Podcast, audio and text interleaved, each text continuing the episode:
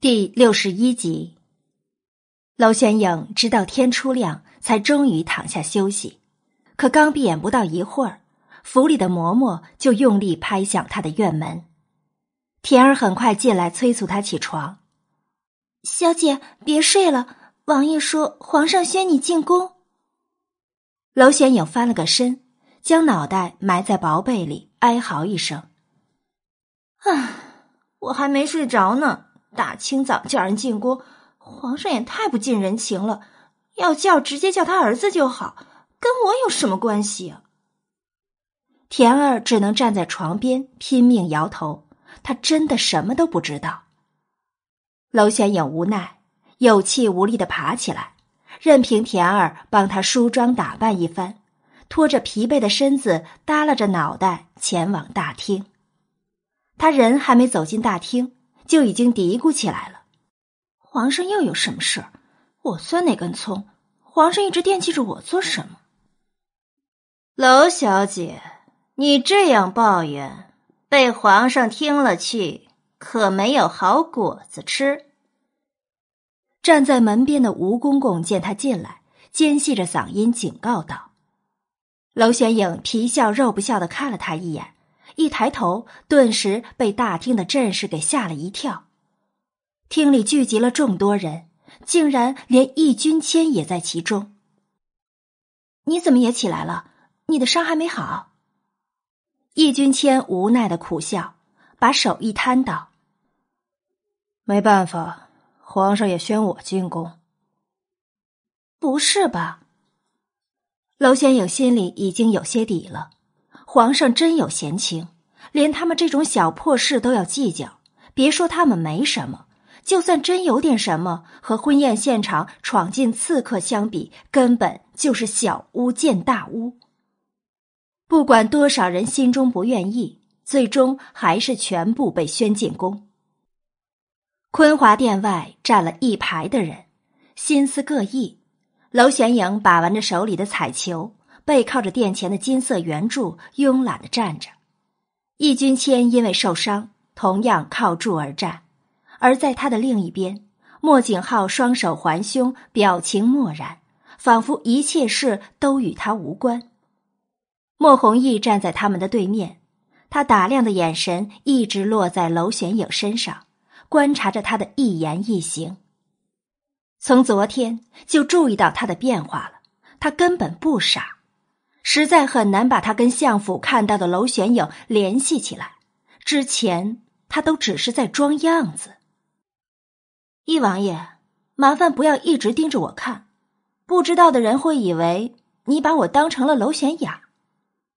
娄玄影白了他一眼，又继续抛掷着手中的彩球，没有多看他一眼。如果不是他的眼神过于炙热，让他觉得承受不了，他才懒得跟他说话。本王倒是很想知道，三皇帝给你请了怎样的神医，才能够把你治好？与你无关，不是吗？娄玄影笑着反问。他当然知道他在讽刺他，还暗示他之前在装傻的事。可事实确实是与他无关。他果然怎么看莫弘毅都不爽，还真要感谢娄玄雅。否则，昨天和他成亲的人可能就是自己了，那他岂不是完蛋？莫弘毅抿着嘴瞪他，却反驳不了他的话。他们之间确实没有其他关系。见他不再答话，娄显影更不想搭理他，以手肘碰了碰身旁的莫景浩，立刻遭到他冷眼瞪视。你可以用嘴说，本王耳朵不聋。切。皇宫这么大，这位置是我先占的。你要是不想跟我过多接触，大可站其他地方去。干嘛要站在我旁边？他白了他一眼。他越讨厌他触碰，他越想挑战。说着，又用手指在他手臂上戳了戳。莫景浩一把扣住他的手腕，恶狠狠的盯着他。娄玄影，你再试，本王废了你这只手。靖王爷，别这么激动嘛！我只是想问你，皇甫臣和他老爹进去这么久还没出来，你父皇会怎样重罚他们？娄玄影向来没骨气，一被莫景浩威胁，马上把横气收敛，转而改为谄媚：“哼，别挑战本王底线。”说完，他狠狠甩开了他的手。娄玄影揉着生疼的手腕，弱弱的挪到易君谦的另一边。莫景浩太暴力了，他受那么多次欺，却一次都没学乖。易君谦将一切看在眼里，他的调皮果然不限对象，连莫景浩都敢惹。他也重新审视了莫景浩，他真的是让外敌闻风丧胆的战神。店门咿呀一声打开，也打断了店外四人的各异心思。黄甫雄和黄甫臣一前一后走了出来，表情很凝重。皇上怎么说？娄玄影兴致很高昂的询问，唯恐天下不乱，明摆着想在别人伤口上撒一把盐。黄甫臣瞟了他一眼，没心思跟他吵架，只是悠悠的道：“皇上说让你们三个进店去。”他说着，指了指娄玄影、莫景浩和易君谦三人。呃，轮到我们了。他戏还没看完，就轮到自己上场了。一会儿被骂得狗血淋头的，就是自己吧？其实他真心不觉得自己哪里有错，错只错在他现在活在这个男女等级森严的古代。三人心都够宽，没事人般进了殿。参见皇上。易君谦拱了拱手，简单行礼。娄玄影有样学样，欠了欠身，也算行过礼。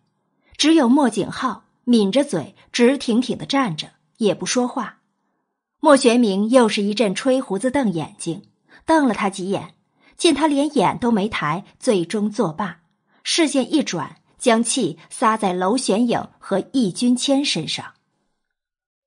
娄玄影，你以前真傻假傻，朕已经不想追究，但别忘了，你是相府大小姐。朕更早将你赐给了莫景浩。昨天的事要是传出去，皇城会有多少关于你们的流言蜚语？你们想过吗？娄显影汗颜，这么小的事，他有必要气成这样？他又不是和易君谦做出不洁之事被捉奸，易君谦不过是舍身为他挡箭。他是在莫景浩那儿失了面子，想从他这里找回气势吧？他这样想着，白了身旁的莫景浩一眼，又被他连累了。瘟神！皇上，臣女斗胆问一句：昨天要是我死了，才是对的吗？大胆！我不觉得自己有错。救人的事不算过错。那朕问你。易君谦为你挡完剑后，你们搂搂抱抱、脉脉含情，算怎么一回事？你孤男寡女在房间里守着他到半夜呢，这事会传到朕的耳里，证明不是小事。娄玄影越听，嘴角抽动的越厉害。这样也行？他跟易君谦含情脉脉？易君谦。你怎么会跟娄玄影认识？在他遇险那刻，又那样奋不顾身的冲过去救他，你对他可有二心？易君谦轻咳了两声，听着皇上的指责，表现的却很从容，甚至还觉得好笑。你笑个屁！皇上说我们俩有奸情。第六十二集，易君谦收敛了脸上的笑意，可眼里的笑却怎么都掩藏不住。娄显影白了他一眼：“要是我被进猪笼，你也逃脱不了干系。”不逃，陪你。他被他温柔的笑意给怔住了，似乎在他眼里真的找到了种含情脉脉的韵味。他不会对他真的有二心吧？不许看我，再看我们俩该被皇上斩首了。你怕死？废话，我还没活够，为什么要死？易君谦摇头失笑，还没等他回话，就听到莫玄明大怒的声音：“还否认你们之间没什么？当着朕的面都一直咬耳朵咬不停。”娄玄影揉着眉心，觉得很无语。难不成他们连说话都不可以？更何况当事人莫景浩完全不在意，他这个当爹的着什么急？皇上，臣有话要说。无奈的还有易君谦，照这样下去，他以后想跟娄玄影说上一句话都有困难了吧？说，皇上，臣对娄大小姐并不是众人所说的那样。只是心存感激，昨天会舍身救她，也只是在报恩。易君谦简单解释后，迷惑的人更多了。娄玄影诧异的看着他，小声问：“报什么恩？”他对他笑了笑，而后再次抬头看向莫玄明，继续解释：“皇上，臣当年家境贫寒。”爹娘养不起臣，臣只能在街市里靠乞讨过生活，受尽欺凌，还得不到父保。有一次饿了几天，终于支撑不住，倒在相府门前。娄小姐那年十岁，向臣伸出援手。如果没有她的那碗饭菜，臣估计活不到今日，也不会有今天的成就。她是臣的救命恩人。臣救他报恩，并无过错。听完后，最无语的当属娄玄影，他差点啧舌。原来他和易君谦之间真的有故事。他虽然有双重记忆，可真的不记得有这么一回事。你说的真的还是编的？你说呢？易君谦笑着反问，并没给他肯定的答案。我知道，还问你？哼，看来你果然完全不记得了。琢磨他话里真假的不止他一人，连莫玄明也在思考。皇上，娄小姐恢复正常后，已经不记得有这么一回事了。但对臣来说，这却是一辈子都必须要记住的大恩。皇上若不信，可以找娄相证实，他当时。也在场。莫玄明摸着下巴，认真思量，又盯着古灵精怪的娄玄影看了半天，终于尊口大开：“朕就当你在报恩好了。如果你们男未婚，女未嫁，也就罢了。但现在，朕已将娄玄影赐给了莫景浩，希望你们不要忘记身份。君谦，你还是住宫里吧。”朕已经替你找了御医，你就不用跟他们一起出宫了。他的手在龙椅上轻敲了敲，下达圣命。他还不老糊涂，易君谦对娄玄影的心思不可能这么简单。娄家四女除了他的皇子，谁都不准动。娄玄影小声揶揄：“哼，你貌似要被囚禁了。”放心，大不了我请辞。他乐呵呵直笑，压根儿没担心过他会出什么事。哼，当你点头那刻，你以为自己还能说请辞就请辞？皇宫有这么自由就好了。你似乎很幸灾乐祸，不想我帮你画画了？我被关在皇宫里，就不能帮你画画？提起画他拼命敛起笑，脑袋直点。要要，哼，那就祈祷我出宫的一天吧。如果没其他事，我先回府了。莫景浩突然出声，声音还是那样冷冰冰。不等莫玄明作何反应，转身就要离开。莫景浩，你给朕站住！莫玄明一掌拍在龙椅上，更是对娄玄影和易君谦大吼：“莫景浩留下，你们俩先出去，然后把弘毅叫进来。娄玄影和易君谦互看一眼，果断的转身走人。他经过莫景浩身边时，还笑着同他挥挥手：“拜拜。”哼，小孩子。莫景浩白了他一眼，得出这样的结论。他朝他扮了个鬼脸，当着他的面大摇大摆就往外走了。娄玄影出了店，没好气的对莫弘毅说。皇上叫你进去。莫弘毅推门进去，吴公公正好出来，他笑着对易君谦比了个请的手势。风华公子，请跟奴才来，皇上已为你找了御医。去吧，宫里的御医医术都很好，好好养伤，伤好了让人捎信给我。娄玄影笑着朝他挥手，易君谦朝他无奈一笑。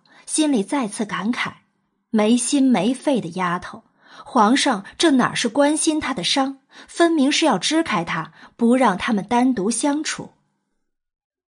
等易君谦离开后，不过一会儿，娄玄影就觉得无聊了。黄甫臣在他们进殿后就走了，莫景浩和莫弘毅也在店里。他一个人在这里真的很无聊，站也站不住，又不能先走人。他舒展着身体，扭了扭腰肢，想起御花园就在坤华殿外不远处，他决定去那里逛一圈。这么近，肯定不会迷路吧？小宫女，一会儿莫景浩出来，你就跟他说我去外边玩玩，不走远。娄玄影交代完殿外的宫女，没等他回话，转身就往外跑。十四皇子，跑慢点小心摔倒。娄玄影刚跑出来，远远就看到一个五六岁模样的小男孩边跑边吃力的踢着一个小球，身后还跟着一个神色焦虑的嬷嬷，应该是男孩的奶娘。十四皇子，皇帝生了几个儿子啊？你走开，别跟着本皇子。小男孩被追上后，似乎很生气，一直推着奶娘。小脚还一直去勾那只球，十四皇子该回去了，娘娘一会儿该找你了。不回去，我要蹴球。他说着，一个用力踢过去，小球很快就滚远了，最终滚在了娄玄影的脚边。喂，那个宫女，把球捡过来。他顺着球滚远的方向看过去。看到娄玄影站在那儿，于是手一叉腰，颐指气使的命令。娄玄影一挑眉，宫女，她长得哪里像宫女了？虽然穿的朴素了点，但好歹也是上等丝绸做的。没礼貌的小屁孩！你耳朵聋了？本皇子叫你把球捡过来。娄玄影弯了腰，将球捡起，一步步朝他走过去。在他跟前两三步站定，就见他高兴的伸长手要接过去，可他就是不给。小屁孩要求可以，礼貌一点请我给你呗。第六十三集，大胆！本皇子要告诉父皇，说你以下犯上，让父皇砍了你的脑袋。十四皇子边说着边跳起来，要抢娄玄影手中的球。他只稍稍把球一举高，根本不是他能够得着的高度。他着急了，直接朝他扑过去，抬起小短腿就要踢他。娄玄影抓住他的衣领，一用力就将他整个人拎了起来，好笑的看着他在空中扑腾，威胁道：“臭小子，还敢动手！”小心我把你甩出去，让你爹个狗吃屎！最好再少几颗牙。奶娘，他欺负人，告诉父皇和母妃，把他砍了。他先是生气，用脚去踢娄玄影，待脚也被捉住后，终于急得要哭了，委屈的向身后早就愣住的奶娘哭诉。奶娘回过神来，忙上前劝说：“你是哪位？”你手里的是十四皇子，他只是孩子，还请你高抬贵手放他下来。只是孩子就这么蛮横了，长大了就跟莫盛瑞那样讨人厌了。我这是教他做人。你也讨厌七皇兄？他一听，停止了挣扎，紧盯着娄玄影瞧，半天后，故作深沉的问起来。明明只是一丁点儿的小屁孩，似乎却对莫盛瑞有很大意见。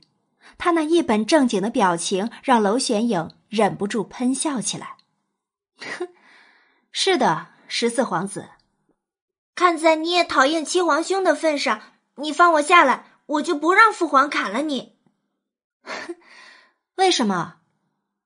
他歪着脑袋，很认真的思考了会儿，奶声奶气的回答：“母妃说了，敌人的敌人就是朋友。”娄玄影无语。后宫争斗是非多，亲情算什么？没有自己的利益重，那些妃子竟然向这么小的孩子灌输这种思想，把自己的兄弟当做敌人看待。那你讨厌莫景浩吗？不认识。十四皇子很认真的摇头。五六岁的奶娃，莫景浩离开皇城恰好五年，要认识确实有难度。拎着他挺重，他很快就觉得手酸。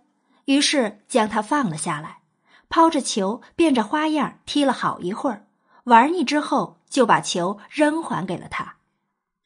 还你，我不是宫女，要是想告状，跟你父皇或母妃说，欺负你的是相府大小姐娄玄影。留下这些话，他撇嘴朝他一挥手，就要离开。喂，你能教我蹴球吗？他羡慕的看娄玄影踢了很久，见他要走，抱着球跑动他那两条小短腿儿，就朝他追过去。娄玄影回头看到他那认真的表情，只消一个举动，就改变了他对他原本的看法。他笑眯了眼，对可爱事物向来没有抵抗力，蹲下身子和他对视，还伸手捏了捏他的小肉脸，告诉姐姐：“你叫什么名字？”皇帝出品，每个儿子都这么俊啊。莫玉言，他蹙眉，对他揉捏他脸蛋的举动很不满意，但没说什么，还是乖巧的回答他的话。好吧，看在你这么乖的份上，我就教你玩一会儿。足球啊，不，蹴鞠分为踢球、停球。踢球时要灵活、快速、准确。力量恰当。娄显影接过莫玉言手里的球，边解说边示范起来。别怀疑，他都把他当足球教。莫玉言在一旁看他踢得带劲儿，拍着小手跳得欢快，跃跃欲试。来，你来试试。一大一小旁若无人的在御花园玩得尽兴，可急坏了一旁的奶娘。娄小姐教的动作看起来很危险，万一伤着了十四皇子，红妃娘娘怪罪下来，可怎么办才好？不是说相府大小姐是傻子吗？这模样哪里像傻子？十四皇子该回去了。不要，本皇子还没玩够，要回去，你先回去。十四皇子不耐的挥着小手，拂开不断凑近的奶娘，小短腿。还在球上踢着，球又传到娄玄影手上，他一个旋身踢，力度没把握好，眼睁睁看着球飞上了树，然后卡在了枝头间。姐姐，球下不来了。莫玉言眼巴巴的看着那个球，语气里带着失落。没事儿，姐姐上去把它拿下来。娄玄影不甚在意的道。说完，就朝那棵树走过去，摩拳擦掌一番，抱着树干开始往上爬。哇，姐姐，你会爬树，好厉害！教我，教我。娄玄影听着他的童言童语，汗了一把。别吵，一会儿我摔下来断手断脚怎么办？莫玉言一听，马上用小手捂上了嘴，果然听话，不再吵。他手脚麻利的爬了上去，球并不是卡在大枝丫上，而是在延伸出去的小枝丫上。他弯着身子，小心的探着脚过去。预言，你在这里做什么？天籁般柔和的女声响起，惊扰了树上的楼玄影，脚下一个趔趄，差点跌下树，幸而及时抱住枝干。唉，吓死我了！这么高摔下去会成肉酱吧？他在心里惊呼，拍着胸口顺了顺气。柔妃娘娘，玉言在等姐姐捡球。玉言看到庄心柔，立刻变得拘谨起来，正襟危站着，眼神还不时瞟向树上的娄玄影。庄心柔循着他的视线，抬头往树上看，当看到树上蹲着的人时，有瞬间的错愕，很快又恢复了淡然。哼，相府大小姐，爬树倒是顺溜，相府的教养。竟然是这样吗？美人说话也泛酸。树上的娄玄影听到一股酸味儿，只是挑了挑眉。从上次见面，他就已经知道了，庄心柔嫉妒他能跟着莫景浩。娄玄影干脆坐在树上，晃荡着双脚，居高临下的看着他，反讽道：“柔妃娘娘，这跟教养没关系。”我自觉自己的教养修养都不差，至少我不开口就讽刺人，也不用带敌意的眼神莫名其妙的去瞪人，不像有些人道貌岸然，心里想什么只有自己知道。而且我觉得我这样很洒脱。身为皇城第一美女的柔妃，肯定不知道自由为何物吧？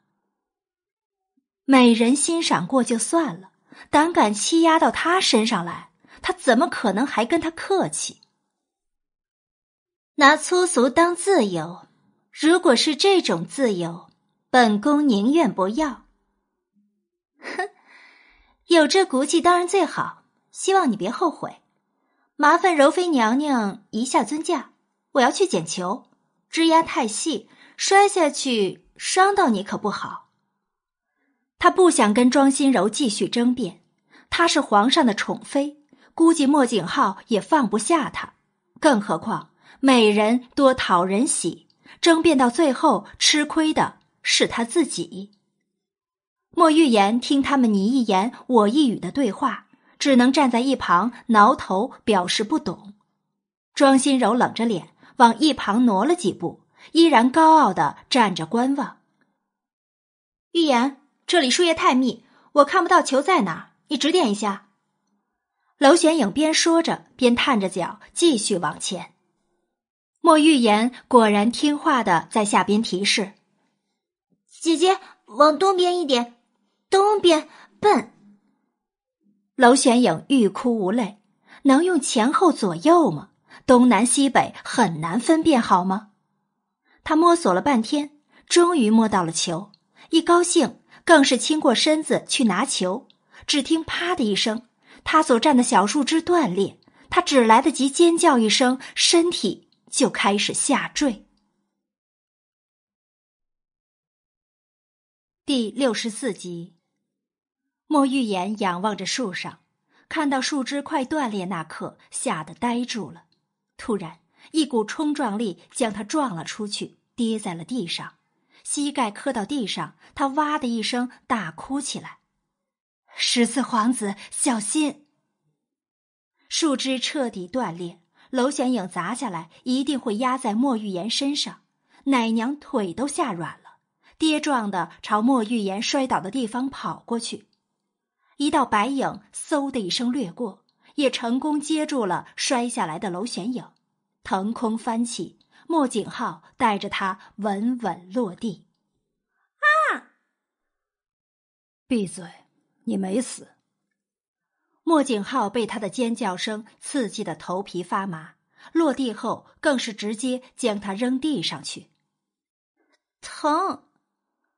娄玄影揉着摔疼的屁股，哀嚎了两声，然后跳了起来。咦，我还活着，太好了！莫景浩，虽然你又摔了我一次，不过看在你及时出现救了我的份上，我还是非常感激你的，谢了。英雄救美的美事竟然会落在他身上，可惜这英雄太冷了点，完全没有幻想的可能。他揉着屁股，惋惜的摇头，一转身看到莫玉言被奶娘抱坐起来，满脸挂着泪，正呆呆的看着他们这边。他惊诧的跑上前去，拿出手绢，胡乱的替他擦了眼泪，又发现他身上的小锦袍被擦破，膝盖上还流着血。玉言，你怎么会摔了？还哭得这么稀里哗啦的？姐姐，有人推我，将我推在地上。莫玉言哇的一声撞在娄玄影身上，大哭起来。他差点被他给撞出内伤来，可看他哭得凄惨，也只能先安慰他：“乖，别哭。”告诉姐姐怎么回事？谁推了你？可莫玉言根本听不进他说的话，依旧忘我的大哭着。他的耐性终于磨光了。莫玉言，男子汉大丈夫，你能不哭吗？再哭就将你丢到树上扔下来。他的威胁很有效。莫玉言立刻噤声，抬头呆呆的看着他，眼角还挂着一行清泪。娄玄影用手绢将他的泪擦干，低声询问：“玉言，刚才谁推你？”莫玉言摇头，表示不清楚。娄玄影又看向奶娘，却见她颤颤的偏开脸，也急着摇头。他突然发现掉下来的枝丫就在旁边，心下大惊，仰头一看。莫玉言跌倒的地方就在他刚才在树上所站位置的正下方。要是莫景浩没有及时出现接住他，他现在跌下来肯定会压在莫玉言身上，这小身板还不得废了？想想就觉得后怕。推莫玉言的那人是想将他们一起弄死吗？他回头深深的看了失神望着莫景浩的庄心柔和他的侍女一眼。抿着嘴没说话，可他的心里却已经有数。刚才他在树上，树下只站了四个人：莫玉言、奶娘、庄心柔和他的侍女。事实已经不言而喻，不是庄心柔，就是他的侍女推的。而且，就算不是庄心柔亲自动的手，也是他指使他的侍女。美人竟然有副蛇蝎心肠。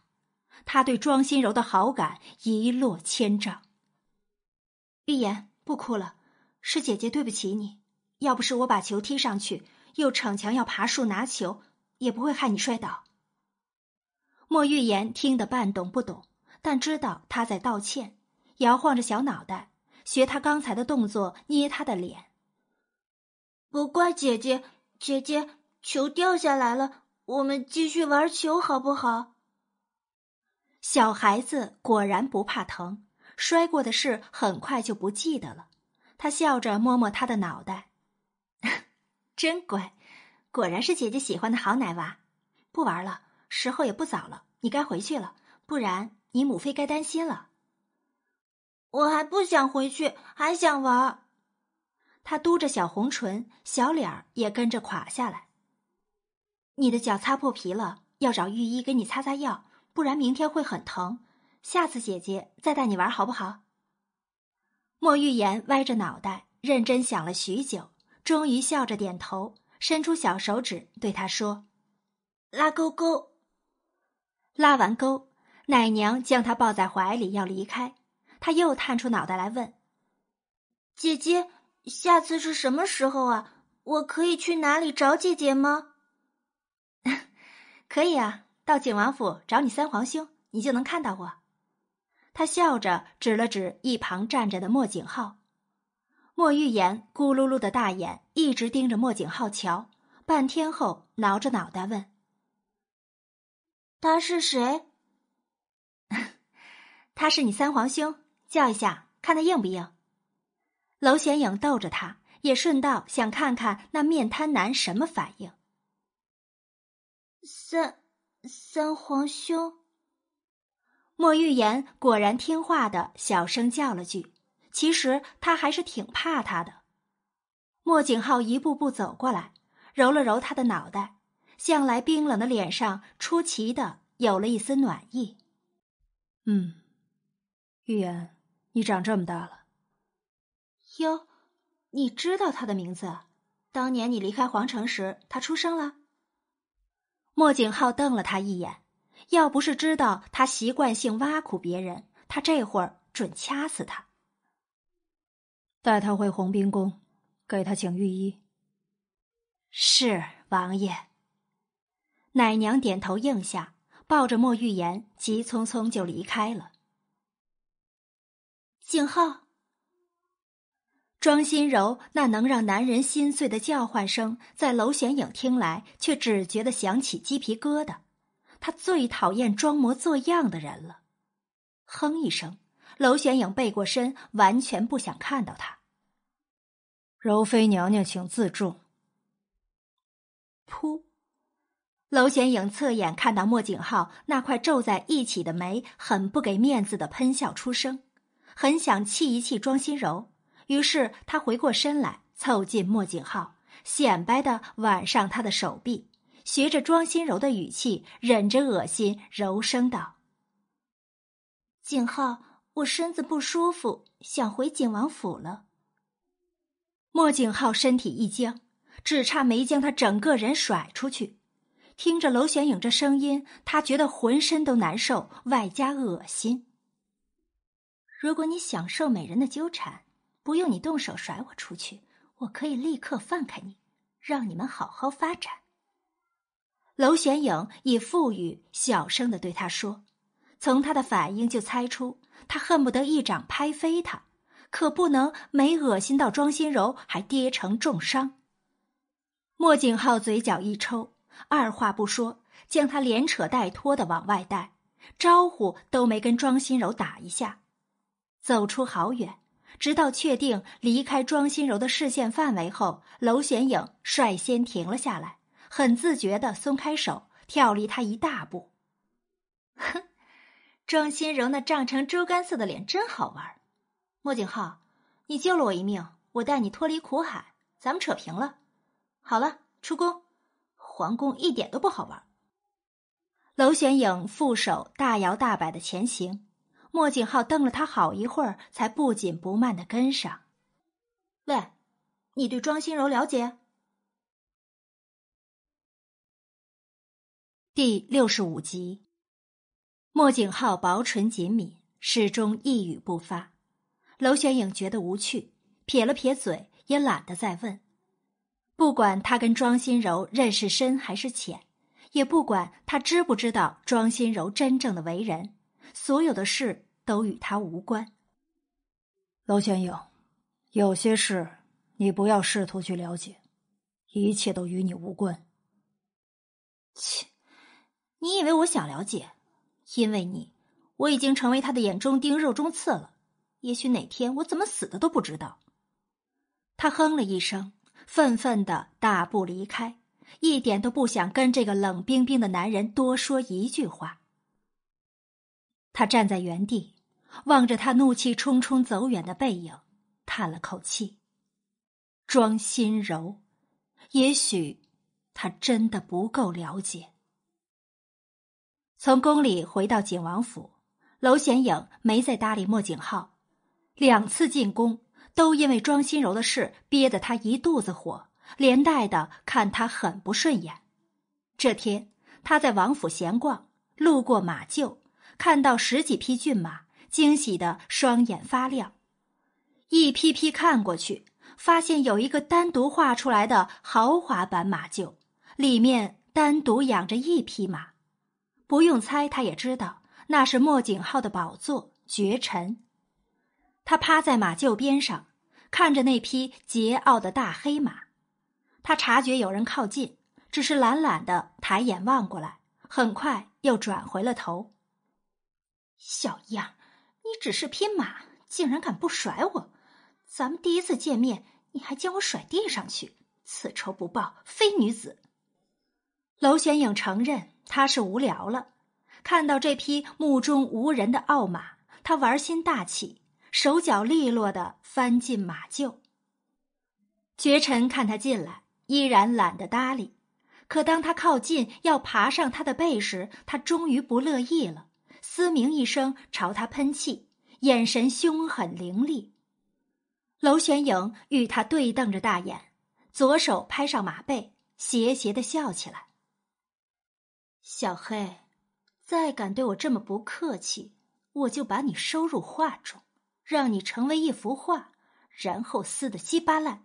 连全尸都不留。让他惊奇的是，绝尘似乎能听懂般，果然不敢再露出凶狠的表情，只是一味的躲着他的手，不断的往旁边挪。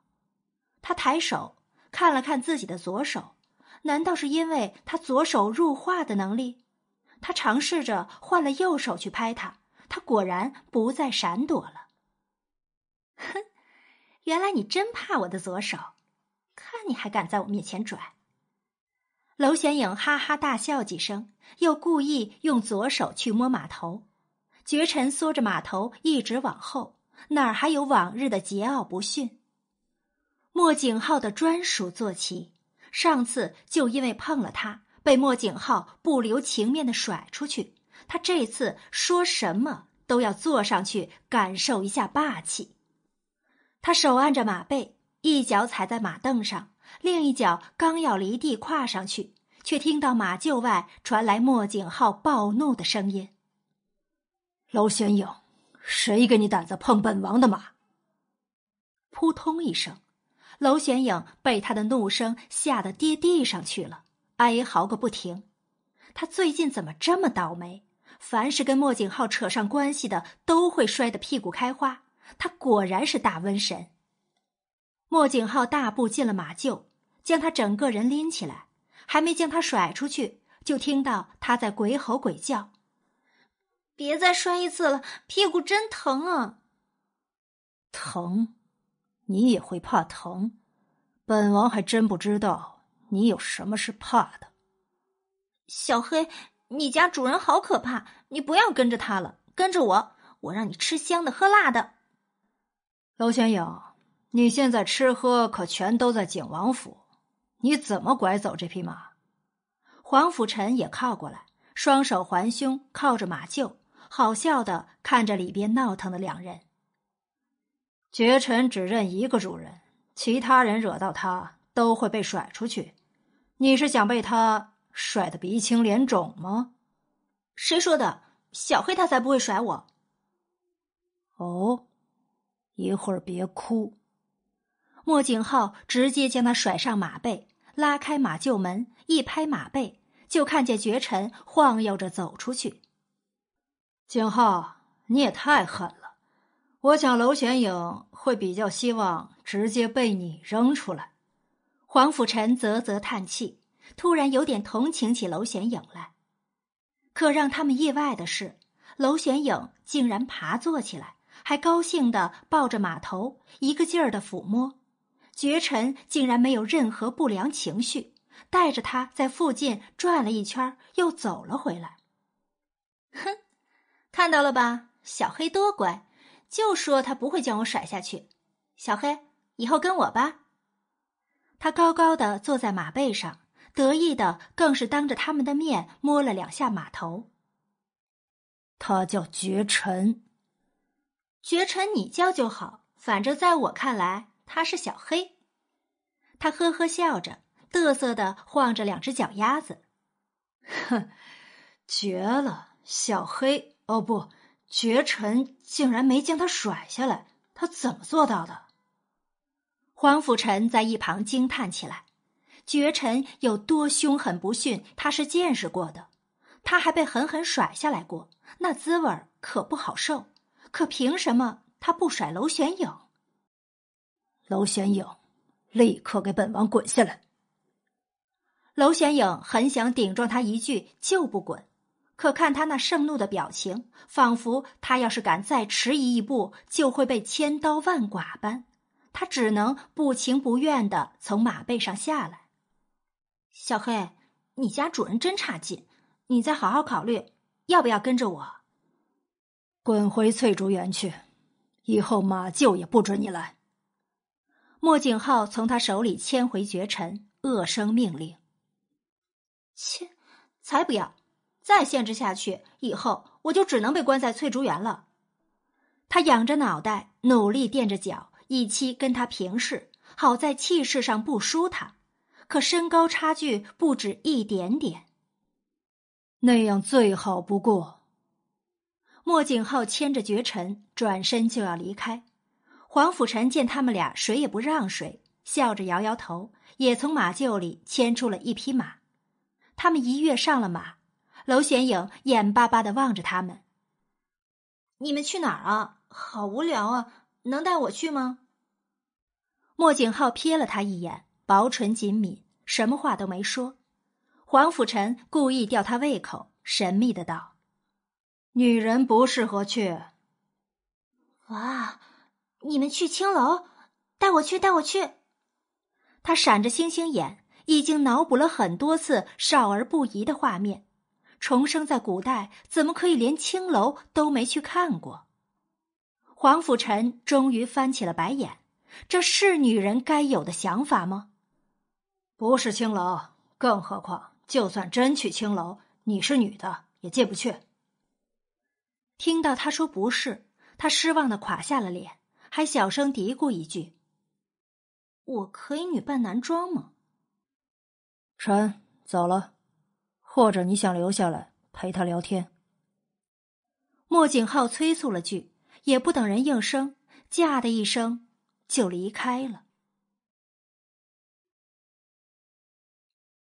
第六十六集，亥时刚至，莫景浩和黄甫臣回了府，路过大厅，发现里头热闹非凡。走近几步，嘈杂声更甚，犹如菜市场。小姐，我解出来了。男人的声音显得很雀跃。隔了一会儿，就听到娄显影赞赏的话：“不错，喏，一两银子，拿着。”小姐，我也解出来了。又一道男声响起，声音里也透着期待。笨，乔姐好吗？谁让你用暴力的？有本事当我面重解一次。莫景浩捏了捏眉心，衣摆一甩，大步跨进厅里，压抑着声音，冷冷的对挡道的下人道：“让开。”每个下人手里都拿着稀奇古怪的各式玩意儿。全神贯注的把玩着，连他走近都不知道。直到那冰冷的声音传来，他们全都愣住了，一抬头被吓得半死，有些甚至直接滚到地上去。人群自动让出一条道，于是那跪趴在椅子上，正转动手里某样正方物品的娇小女人就暴露在他的眼中。他玩的很入神。甚至连周围有异常都没察觉。桌子上摆放着各种东西，还有一袋碎银。他在做什么？哼，我又转出一个六面了，是四阶的。他高兴的欢呼，拿着魔方一回头，当看到莫景浩那张冰冷的脸时，吓了一跳，手里的魔方也抛了出去。靠！你怎么在这里？什么时候回来的？不出声是要吓死人。莫景浩紧绷着脸盯着他直瞧。娄玄影，你在做什么？你把景王府当成什么了？没有啊。他无辜的眨着大眼，而后又抓起桌面的一个魔方，炫耀似的朝他挥了挥手。我在玩魔方啊，这是益智游戏，还有九连环、孔明锁。万总管，万总管听说王爷找他，急匆匆就赶过来了。看着大厅里跪了一地的奴才，他也觉得头大。呃，王爷，您找小人，这是怎么回事？王府的人都这么闲，聚在一起玩乐。万总管听着他严肃的口吻，偷偷抬手抹了抹额上的汗。这小人今晚一直在账房和账房管事盘算清单，并不知道大厅发生的事，这是小人的疏忽，还请王爷责罚。王府的人越来越胆大包天了，没经过他的许可，竟敢擅自聚众滋事。莫景浩，这事与万总管无关，是我太无聊才找他们一起玩的。你这么生气做什么？他们都是做完了王府差事才来的，什么也没耽搁呀。虽然吵了一点，但之前你没回来嘛。既然现在你回来了，我们不玩就是了。他嘟哝着。然后就开始收拾自己的那些玩意儿，一样样全塞进布袋里。哼，解出一样就给一两银子，楼家小姐果然大方。景浩，再让他玩上几天，景王府会不会亏空？黄甫臣凑上来，拿起其中一个魔方把玩。娄显影一听，双手叉腰，大哼一声：“哼，才不是用景王府的银两！”赏给他们的都是我从相府带过来的。我来景王府一个多月，除了吃住是他提供的，可没拿过景王府任何银两。原来景浩虐待你，暗里也有月银的。我自己有钱，不用他给。娄玄影很有骨气的一昂脑袋，他要是坐下来天天画银两，哪天就富可敌国了，哪需要仰仗别人给钱？嗯，有志气，不过这玩意儿哪里来的？九连环街市上还见过，可这方形的玩意儿还是第一次见。你刚才说它叫……黄甫臣把玩着手里六色的魔方，总觉得很稀奇。魔方，你管我哪里来？好玩就行。你能把它转成跟这个一样吗？娄玄影说着。又从布袋里掏出一个六面一样的魔方来，看起来挺简单的。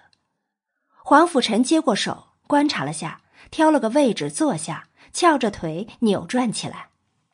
哼，等你转出来再说简单吧。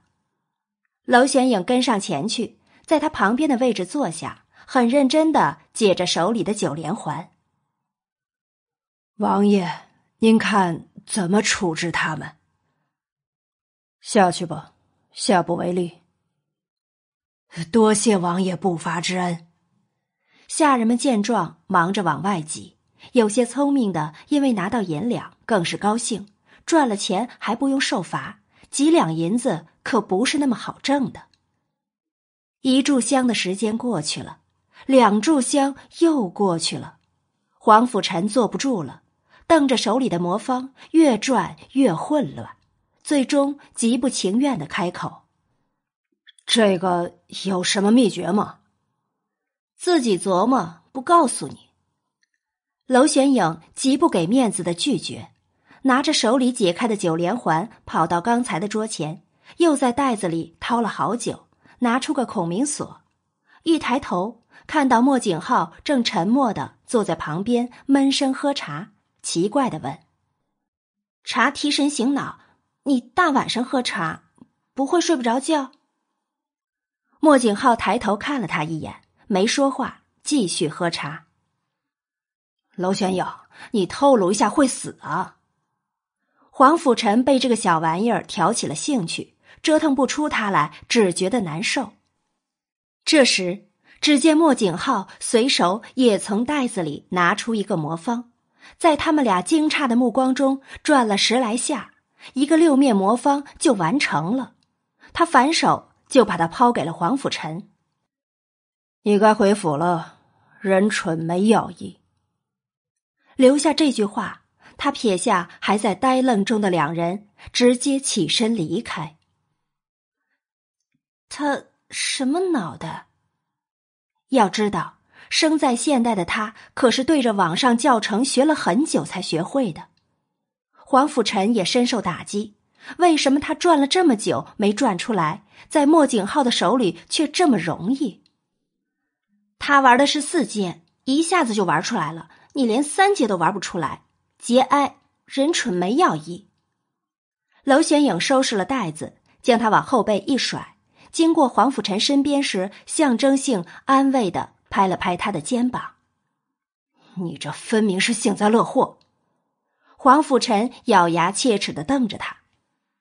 娄玄影一耸肩，不去理会抓狂中的黄甫臣，一手拎袋子，一手负背，也跟着走人了。我就不信我玩不出他了，明明看起来这么简单。黄甫臣立誓般自语，拿着魔方又坐回去了。最终，黄甫臣一夜未归府，他在景王府的大厅里独坐了大半夜，终于玩出了心得。因娄玄影那句“你大晚上喝茶不会睡不着觉”，向来习惯入睡前品茶的莫景浩竟奇迹的睡不着，精力充沛到看了一夜兵书。第六十七集，娄玄影一夜好眠，起了个大早，躲书房里画画。他又想到一个好玩又容易画的玩意儿了——扑克牌。碍于画技限制，他就只能画些方框的玩意儿，就好比魔方之类的。他花了一上午的时间，总算画完了。出画，伴随着一道白光，一张张牌成为现实。他边洗牌边欢乐的往外跑，逮住要出院子的田儿，就按在院子的石桌前。田儿，来玩这个。田儿盯着石桌上从未见过的东西看了好久，而后果断的摇头：“小姐，田儿不会。我教你。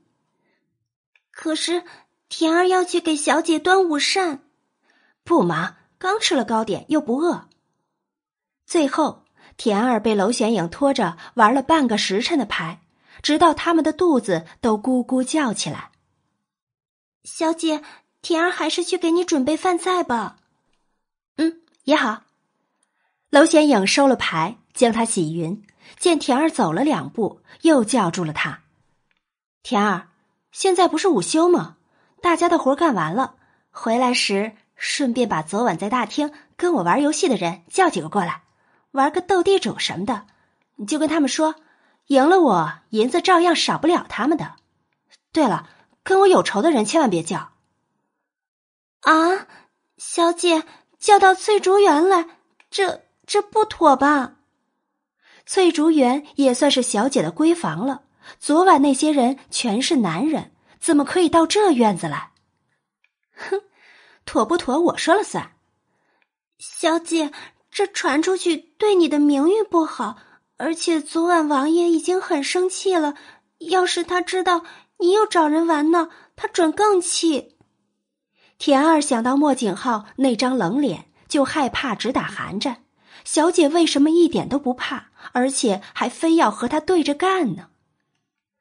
我快无聊死了，还不让我找点乐趣啊！他生气关我什么事？更何况他对我摆脸色的次数还会少吗？能拿我怎么办？哼！娄显影笑眯了眼，连环反问，堵得田儿哑口无言。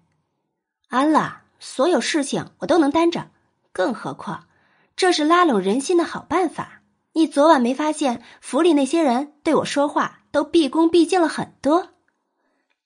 那是因为小姐给了他们银子。说到这个，田儿就肉痛。昨晚眼睁睁看着小姐把一两一两的银子送出去了，银子多难挣啊！几两银子就能收买人心，何乐而不为？更何况你家小姐我又不差钱，去吧。娄玄影摆手，示意田儿可以出门了，而自己则洗着牌玩起了二十一点。田儿去而折返，踌躇在院门前，始终不敢带身后的五名下人进翠竹园去。田儿姑娘，娄小姐不是说可以进去挣银子吗？一名十八九岁的少年笑呵呵的问田儿：“他昨晚挣了二两银子，乐坏了他。景王府给的月银相比别处已经算很不错了，可仍无法和从娄玄影那里挣的钱比。不仅多，而且还轻松。哼，就知道要挣银子。田二瞪了他一眼，他担心的是小姐的名声。娄玄影听到院子外的声音，跑出来开门，看到田二果真带回了人，笑弯了眉眼，朝他们直招手：“进来呀，杵在那里做什么？我一个人玩的无聊死了。”少年谄媚的将食盒提起：“ 娄小姐，你的饭菜。”“嗯，我记得你挺聪明的嘛，昨晚拼出了两样，速度也挺快。”“多谢娄小姐夸奖。”你叫什么名字？娄玄影招手让他们进来后，转身往回走，边走还边问他：“回娄小姐，小人姓牛，名叫宝才。宝才，一会儿好好学，多赢几场就可以娶媳妇了。小人一定好好学。”想到白花花的银子，牛宝才只差没流口水。娄玄影边吃饭边传授他们玩法。面对新奇的事物，他们开始的接受度都不大，可熟悉后就热闹起来。翠竹园在玩牌的事传出去，聚集在院子里的人越来越多，全都嚷着想玩上一把，最后发展成娄玄影坐庄赌钱。鉴于人数太多，全部他掏钱就没意思了，于是他降低赌注，赢的可以拿走十个铜板。输的只要支付一个，赌注小，吸引力又大，很多人自愿掏钱加入赌局。大轰动的后果就是，事情很快传到莫景浩耳里。万总管前往镇压之前，万分无奈的向他汇报翠竹园的情况。王爷，娄小姐在翠竹园聚赌。莫景浩一听。嘴角狠狠抽了下，端着茶杯的手也微微僵硬了些。聚赌，他在赌什么？呃，回王爷，不是很清楚，玩的东西是我们没有见过的。万总管观察到了他那阴沉的脸色，忙拱手示意：“王爷，小人马上去处理这事。他会受你管制。”认识娄玄影不是一天两天的事，他那顽劣的性子早就看清了。呃，王爷，那这事该怎么处理？本王倒是想瞧瞧，他又弄出了什么稀奇古怪的事来。莫景浩搁下杯子，直接出了景轩院，前往翠竹园。他所谓的魔方，他已经派人查过了。并没有查到任何线索，整个宣墨王朝都没人认识，对他而言却似乎是很平常的事。他花样百出，身上疑点重重，实在让他怀疑他究竟是不是相府大小姐。王炸，哼，我又赢了。娄显影哈哈一笑，刚想伸手去收赌注，可突然之间，喧闹的人群安静下来。他发觉不妙，有种如芒在背的感觉，悠悠的回头，果然冷面神就站在他的身后，正盯着他手里的牌瞧。那个，你你又出现了。娄玄影一点都不乐意见到他，每次出现都打扰他的兴致。娄玄影，他的声音透着冷意，不怒自威。吓得周围的人大气都不敢喘一下，可不包括娄玄影。他挑眉对上他的眼，仰着脸跟他呛声：“这里是翠竹园，我住的院子。景王爷，难道我在这里做什么事都要请示你？”哦，你似乎忘了，他也还是景王府的院子。凡是景王府发生的事，本王都有权过问，更何况……你是在剧赌。莫景浩说着，从他手里拿过那副牌，随意抽出几张观察。果然如万总管所说，这玩意儿又是没见过的。娄显影其实很纳闷儿，他擅长察言观色，可他左看右看，莫景浩其实并没有多生气吧？那语气平淡到似乎在谈论现在的天气。这玩意儿，你从哪里来的？第六十八集，娄玄影一阵无语，没想到莫景浩也会对这事感兴趣。看出他把玩扑克牌时脸上那认真的表情，他从他手里一把抢回牌，傲娇的答一句：“娄玄影出品，画工太差，线条不流畅。”你懂画？娄玄影翻着手中的牌。这是他画了一上午的成果，已经算很成功了。可在他看来，竟然是差劲。他扁嘴，不服气的反问：“没吃过猪肉，也见过猪跑。”娄玄影汗了一把，天下红雨了。冷傲的莫景浩竟然会调侃他：“你竟然不生气？”范总管，把这里的人记下。每人扣一半月钱，本王不希望王府里再出现剧赌这种不正之风。若以后谁还跟着娄玄影闹事，就可以直接滚出景王府了。莫景浩这话明面上是对着围着的人说的，可说话时却只盯着娄玄影瞧。他根本不怕他，也恨不得他将他赶出府去。要制住他，只能借助外力。他的话刚落，周围哀声一片，全都小声抱怨起来。莫景浩冷眼扫向四围，人群立刻安静下来。如果你们有意见，现在就可以收拾包袱离开王府。王爷，小人没意见，小人马上去干活。一人带头，其他人也跟着一哄而散。娄玄影拿着牌的手紧了紧，死命的瞪着莫景浩。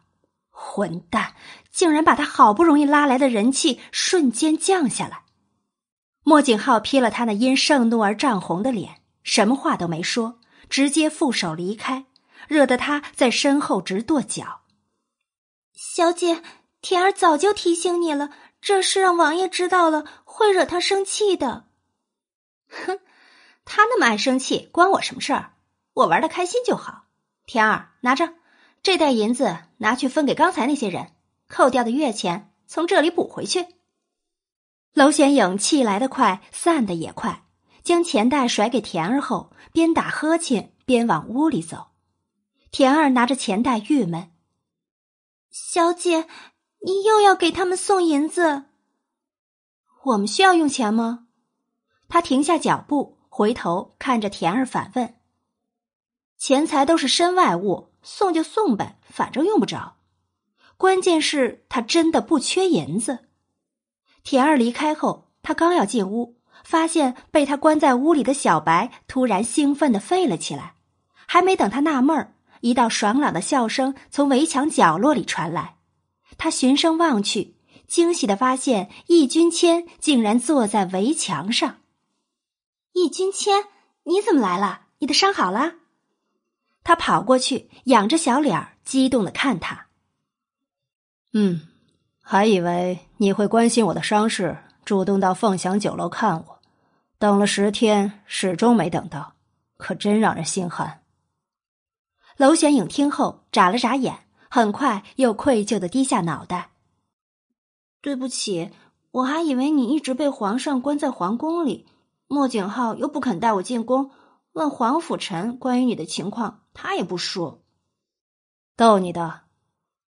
看他那样子，像做错事的小孩般。易君谦摇头失笑。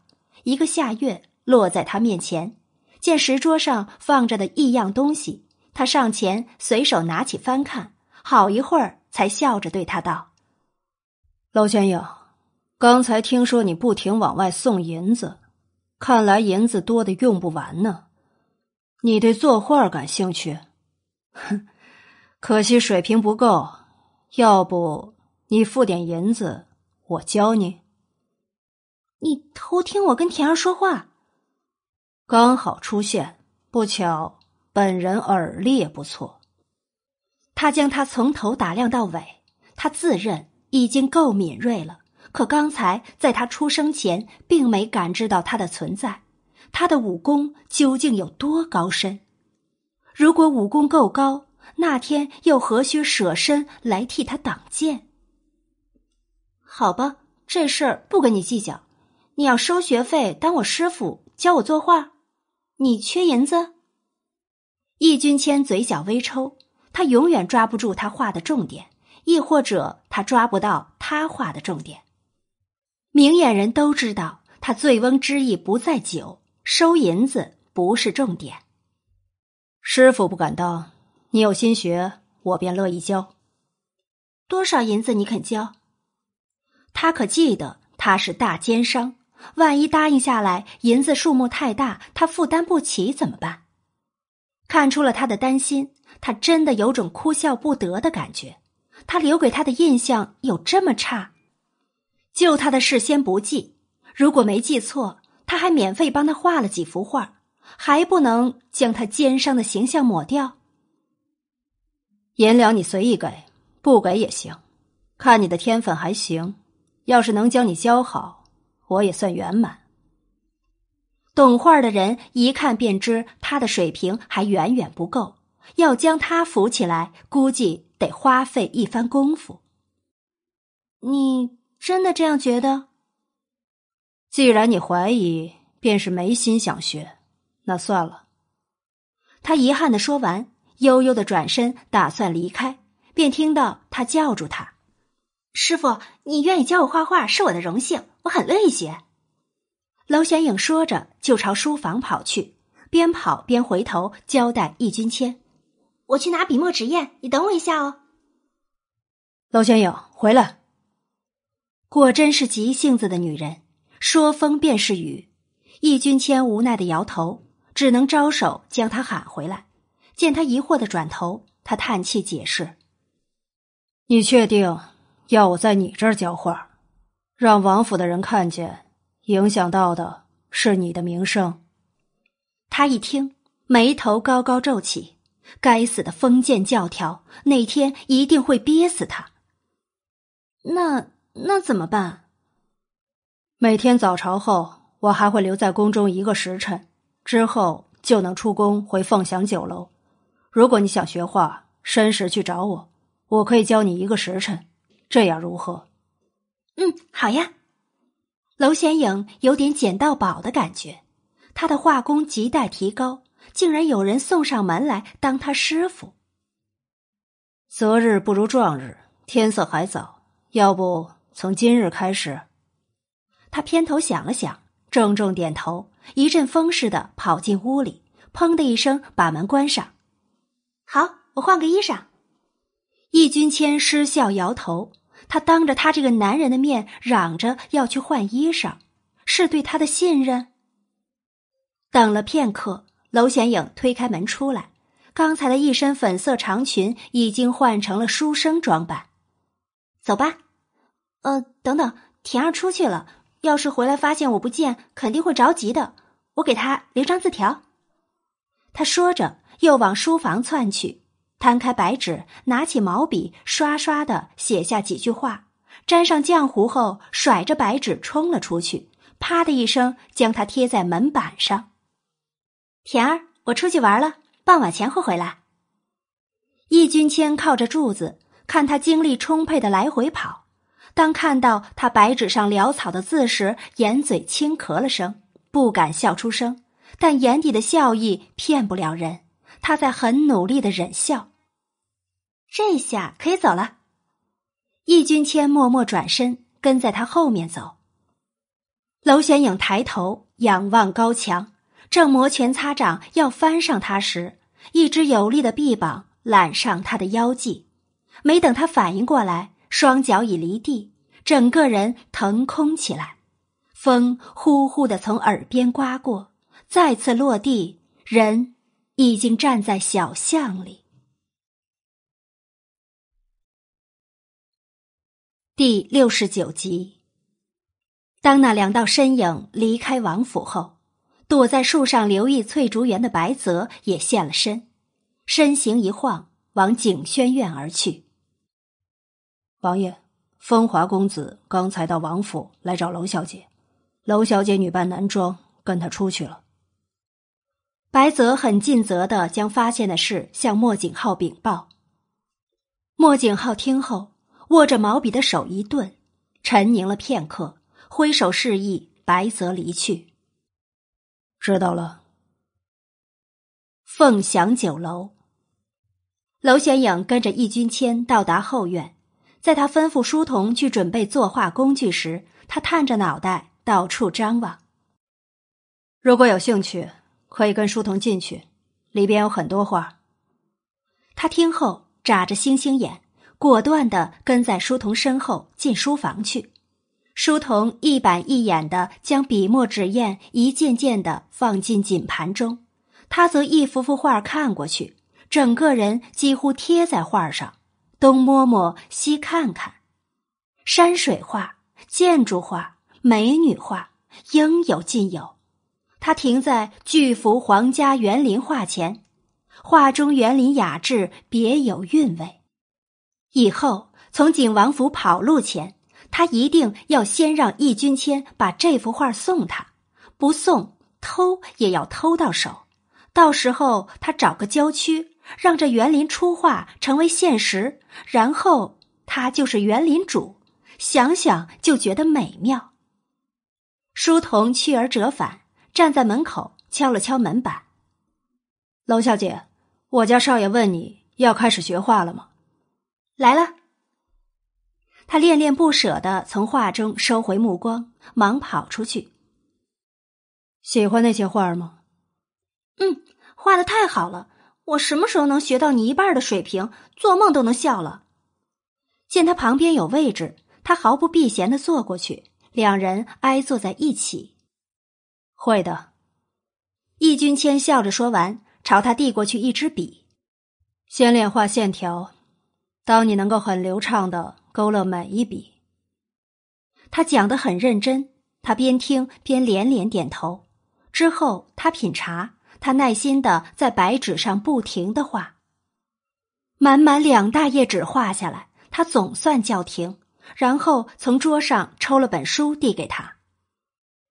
练字吧，书法练好，画画也不会是难事。他接过书，随意翻看了下，看着书上密密麻麻的古字，他虽然都认识，但还是头皮发麻。突然，他一个警醒，挠着脑袋。呵呵，傻笑一声。啊，我似乎忘记田儿不识字了。纸条上的字，他应该看不懂。果然如此。其实刚才他就想到这个问题了。然后，田儿够笨的，估计这会儿王府的人已经知道我不见了。哎，算了，反正也跑出来了。他摆摆手，很快便放宽心，翻到第一页，开始抄写起来。练字心要静，你若真想将字练好，起步阶段就不要贪快。易君谦看他写出来的字，只觉得头大，又见他握笔姿势不对，便靠过去握紧他的小手，带着他写了几个字。咳嗽声突然响起。两人双双抬头，只见拱门前站着一名身着极地蓝色长裙的女子，年约二十岁，正盯着他们这方向看过来。这，蓝有雪，什么事？女子刚要开口说话，就被易君谦打断了。蓝有雪笑了笑，道：“君谦，前厅有人找您，听说姓司。”易君谦听后，眼神暗沉了几分，握着娄玄影的手也微微僵了下。他不迟钝，感觉得出他的变化，于是催促道：“有人找你，快去吧，我可以自己练。如果不介意，我可以教你。你自己先练，我一会儿就回来。”易君谦叮嘱完娄玄影，就站起身来，经过蓝幽雪身旁时，小声警告。不许跟他乱说话！你对我下令。蓝幽雪红唇勾起，笑得很魅惑。你知道我不会。放心，有你这句话，我就不会乱来。蓝幽雪搭上他的肩，轻拍了拍，迈着细步，款款的朝娄玄影所在方向走去。易君谦看了他们一眼，最终大步离开。娄玄影没在意他们之间的小互动，低头又练起了字。蓝幽雪踱步到他身后观看。堂堂相府大小姐，居然连字都写不好，这说出去会成为笑话吧？哼，还有什么比相府大小姐是个傻子更大的笑话？那个我都不介意。又怎会介意这种小事？娄玄影回头看他，不得不说，蓝幽雪的话让他诧异。你竟然知道我是谁？我以为我的男装够成功。我们没见过面，你大费周章的去调查我。如果不是君谦对你这么上心，我根本不可能在意你的存在。蓝幽雪在他对面坐下。拿起桌上另一支笔，很流畅的将娄玄影刚才写的字写下。只见那字有女人该有的娟秀，又不失男人的霸气。娄玄影的字和他的一比，简直不能见人。你喜欢他？哼，没错。蓝幽雪没有丝毫犹豫就承认了，很快轻笑了声。可惜在他眼里。我永远只是红颜知己。喜欢就告诉他呀。娄玄影其实很欣赏他敢爱敢恨的性子，爽朗大气，并不扭捏造作。蓝幽雪很认真的盯着他瞧，半晌才摇头：“不说出来，一切的假象就会消失。”就像易君谦对娄玄影的感觉一样，他也不会点破。你喜欢他吗？蓝幽雪反问娄玄影。娄玄影落下最后一笔，几乎没有犹豫，头也未抬的回答：“你放心，我不跟你抢他，我只是向他学画画。等我有点基础，能自学后，就不会一直来找他了。或者……”你有认识其他懂画画的人吗？介绍给我认识，我向他学也可以。蓝幽雪嘴角一抽，笑意僵在脸上。他是真的那么粗线条？易君谦对他而言就只是单纯教画的。很快，他心里又乐了。长久以来对易君谦单相思，让他觉得很苦。现在才知道，他其实比自己更悲剧，这就够了。有认识的也不能介绍给你，除非我想跟易君谦翻脸。啊！娄玄影抬头不解的看着蓝幽雪，抢他学生？好吧，那我争气点，尽早学会。蓝幽雪瞥了他写的字和画的线条一眼，只剩无语。这种资质要上道可不容易。蓝幽雪陪他聊了会儿，便离开。娄玄影抄了几页书后，深觉无聊，咕噜噜的大眼一转，丢下笔，很快又窜进书房欣赏那些精致的画儿去了。直到天色渐晚，他摸着扁平的肚子走出书房，仍然不见易君谦的踪影。这时，蓝幽雪再次现身，交代他：“君谦还分不开身，他让我来告诉你。”今天可能没空教你作画了，明日再来吧。哦，好吧，那我先回景王府了。娄玄影也没多想，直接点头离开。他爬上了墙，很利落的踩着墙走过红梅园，探着脚，刚要跨进翠竹园，院子里突然传来的男声硬生生打断他的动作。娄玄影，外边可好玩？第七十集，娄玄影听着莫景浩那不愠不火的话，心里直发凉。他怎么会在翠竹园？上次他剧赌，他看不过眼出现也就算了，这次又怎么回事儿？他出府也不是一次两次的事儿了。娄玄影撇撇嘴，小心翼翼的爬下墙，刚站定，就见田儿颤颤的挪到他身旁，低着脑袋，一副做错事的样子。小小姐，他怎么会在这里？娄玄影小声的问他。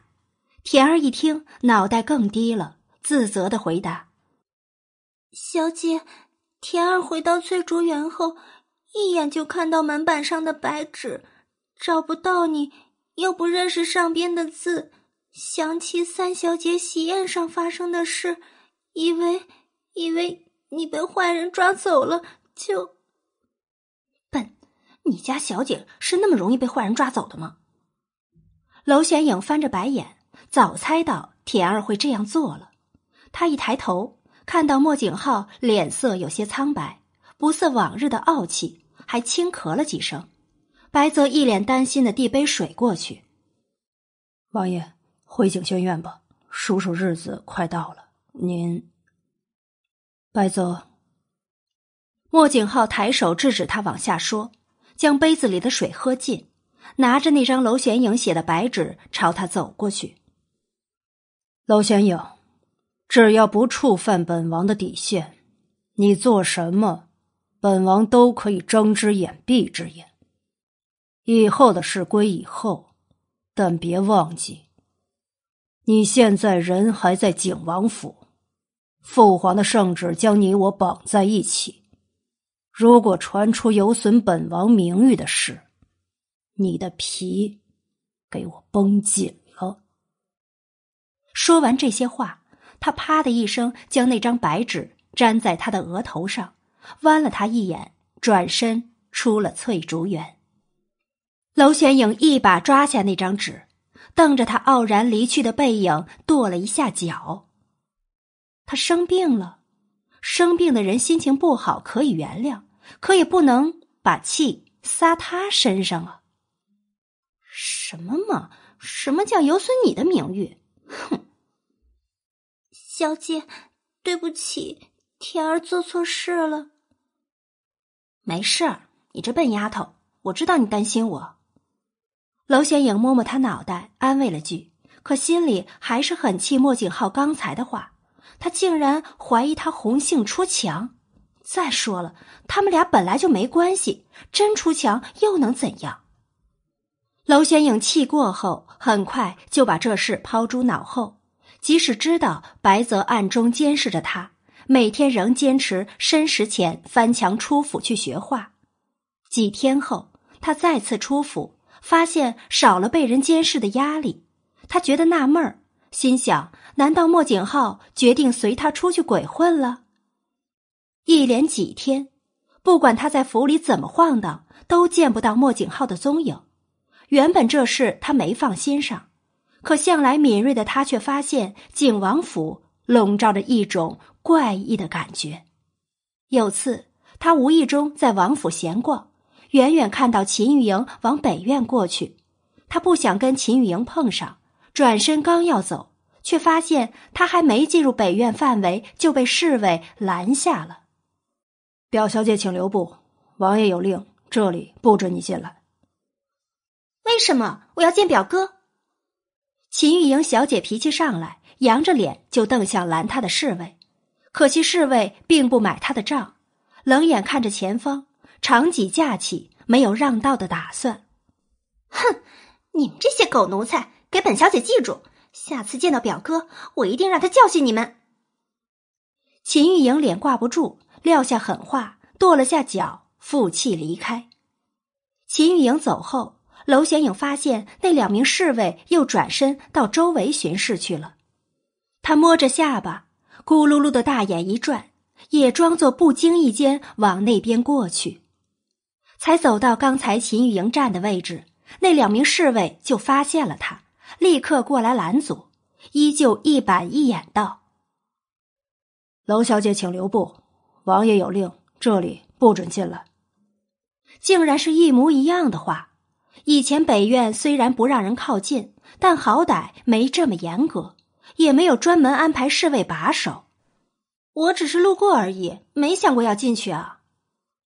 娄玄影无辜的眨眼，嘴上说一套，心里却想别处去了。他的好奇心向来重，猜想王府这几天一定有事发生。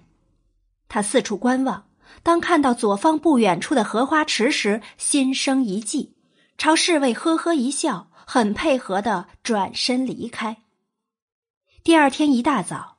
娄显影带着田儿再次晃悠到花园，他还故意绕个弯路往北院走，可想而知，再次被侍卫给拦住。他举起手中的小木桶和竹竿，赶在侍卫说话之前，显摆似的对他们道：“大哥，我只是路过，要去那里垂钓，绝对不进北院。”他说着，将鱼竿架在肩上，大摇大摆就朝荷花池走去。田儿屁颠儿屁颠儿的紧跟上去。小姐，你为什么突然想来垂钓，还起这么大早？清晨比较凉爽啊，等太阳升起，哪还坐得住？娄玄影随意搪塞了田儿，找了个位置坐下，熟练的上钩上饵，鱼竿一甩，淡定的等着鱼上钩。他边垂钓边偷窥侍卫的动向。隔了一炷香不到的功夫，他提起鱼竿，叹息一声：“唉，这里钓不到鱼的样子，换个地方。”他边说着，边提起鱼竿，沿池岸往里挪了几米。如此反复下来，终于将侍卫招惹过来。娄小姐，你不能靠近这里，王爷。喂，我只是钓鱼而已，景王府还有自由没？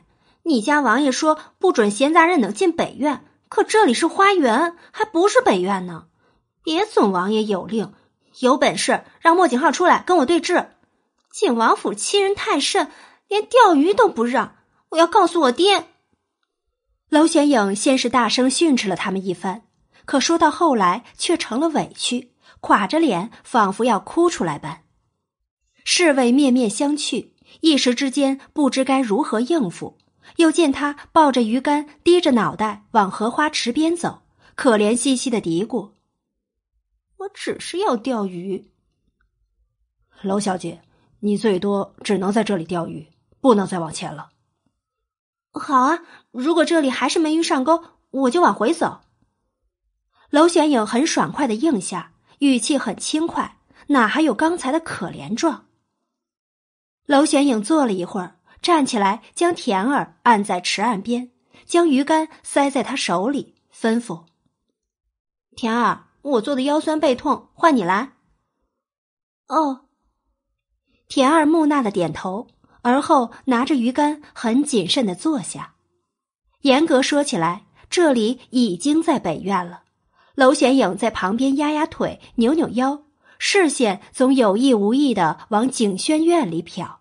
想窥探出一二，他晃着脑袋做起了运动。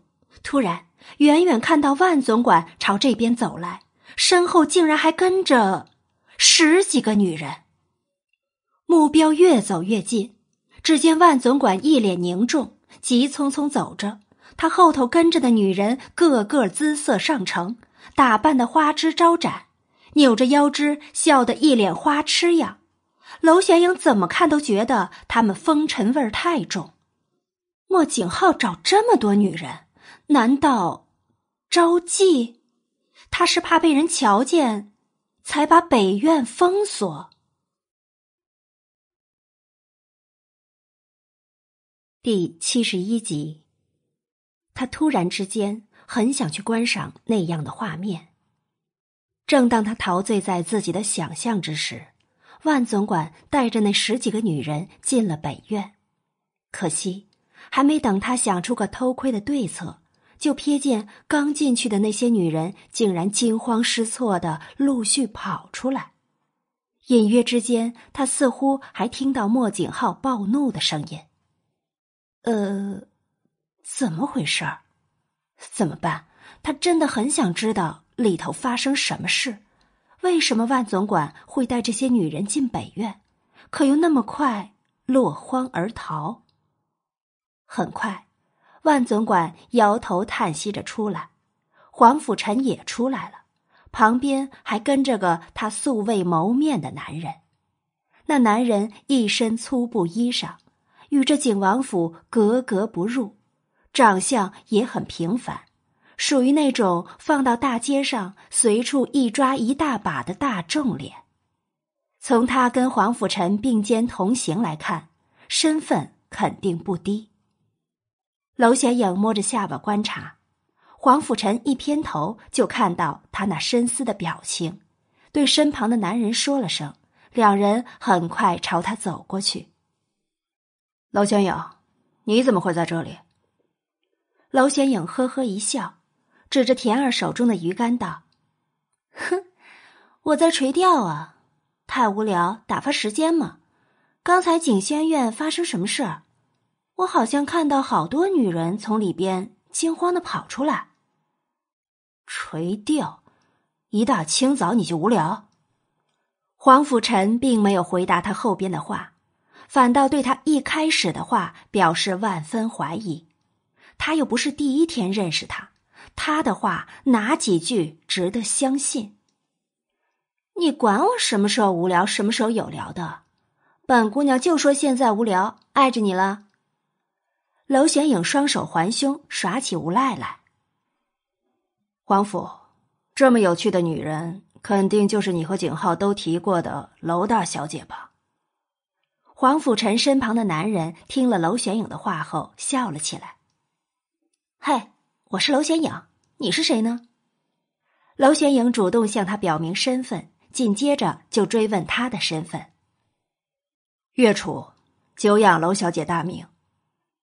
娄玄影同样笑着朝他点头，长相虽然过于平凡，跟帅完全不搭边。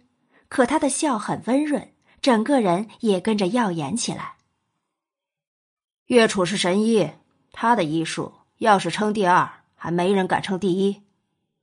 黄甫臣拍着岳楚的肩膀，向娄玄影介绍：“神医，哇，竟然让我碰上一只活神医！”娄玄影绕着岳楚转了一圈，将他从头打量到脚。这让岳楚脸上的笑意越来越僵，实在是不习惯被人这样盯着看。呃，不敢当。这有什么不敢当？别人给你的封号就收下，又不是你自封的。哼，果然是直爽之人，难怪能被他们俩同时提起。娄玄影不以为然的撇嘴：“哼，他们肯定是说我坏话多。”你也知道自己总做坏事，要是做好了，还怕人说坏话？我觉得正常的事，在你们看来都成坏事了，我能怎么办？哟，你还觉得有理？本来就有理。他坚决不退让。岳楚摇了摇头，在他们大有继续吵下去的可能之前，他先摆手叫停。皇甫，她是女孩子，身为大男人，你就不能让着？哼。神医比你有风度多了。娄玄影朝黄甫臣吐了吐舌头，扮了个鬼脸。你是女的？黄甫臣对此表示鄙夷。够了，黄甫，我要想想景浩的事该如何处理。你要吵就继续。岳楚听着他们谁也不相让的嘈杂声，只觉得一个头两个大。莫景浩发生什么事了？经岳楚一提醒。他总算想起此行最重要的目的——打探景轩院的情况。黄甫臣也收起了继续跟他辩的心思，白了他一眼，道：“你不是说跟景浩井水不犯河水，迟早各归各处吗？既然这样，他的事你别多问，等皇上不再咬着这事，你就自由了。还有，别拿垂钓当借口，我不是第一天认识你了。”你不就想借这名义打探情况？就到这里为止，你该收拾东西回翠竹园了。看着点儿，别让人进去，也不准娄小姐再往前了。如果搞不定他，把白泽叫出来。黄甫臣这话名义上是交代侍卫，其实更是警告娄玄影：若再往里闯，拦他的就会是白泽。留下这些话，他一拍岳楚的肩膀。示意可以走了。看着他们离去的背影，娄玄影微眯起眼，这下子已经肯定景轩院必定有古怪了。虽然这事与他无关，可谁让他好奇心太强呢？他心痒，很想一探究竟。他装模作样的从田二手里接过鱼竿垂钓，实际上脑子快速转动，想着如何偷溜进景轩院。没等他想出一个结果来，机会。自己送上门。只听景轩院里突然传来乒乓声响，兵刃相接，打得好不热闹。刺客往院子里进刺客了。把守的侍卫互望一眼，同时飞身进了院子。田儿，把这东西收拾了，然后你回翠竹园去，这里有点危险。那小姐你呢？我呀，当然是哪里有热闹就往哪里凑。娄玄影嘿嘿一笑，他正好趁着这个空子溜进景轩院探个究竟。不行，小姐，里边肯定很危险，我们还是走吧。天儿，听话，快回去，一会儿我就溜不进去了。他着急着。白泽和那从未现身的暗夜武功都很高，加上莫景浩本人及侍卫，里边的打斗肯定很快会停止。他要赶在那俩侍卫出来之前进去，可是，别担心我，你还不知道我逃跑功夫一流啊！如果遇到危险，撒腿就跑，最多给我一炷香的时间，我很快就回去。快了，田儿。娄玄影将小木桶和鱼竿往田儿手里一放，推着他就往翠竹园方向走。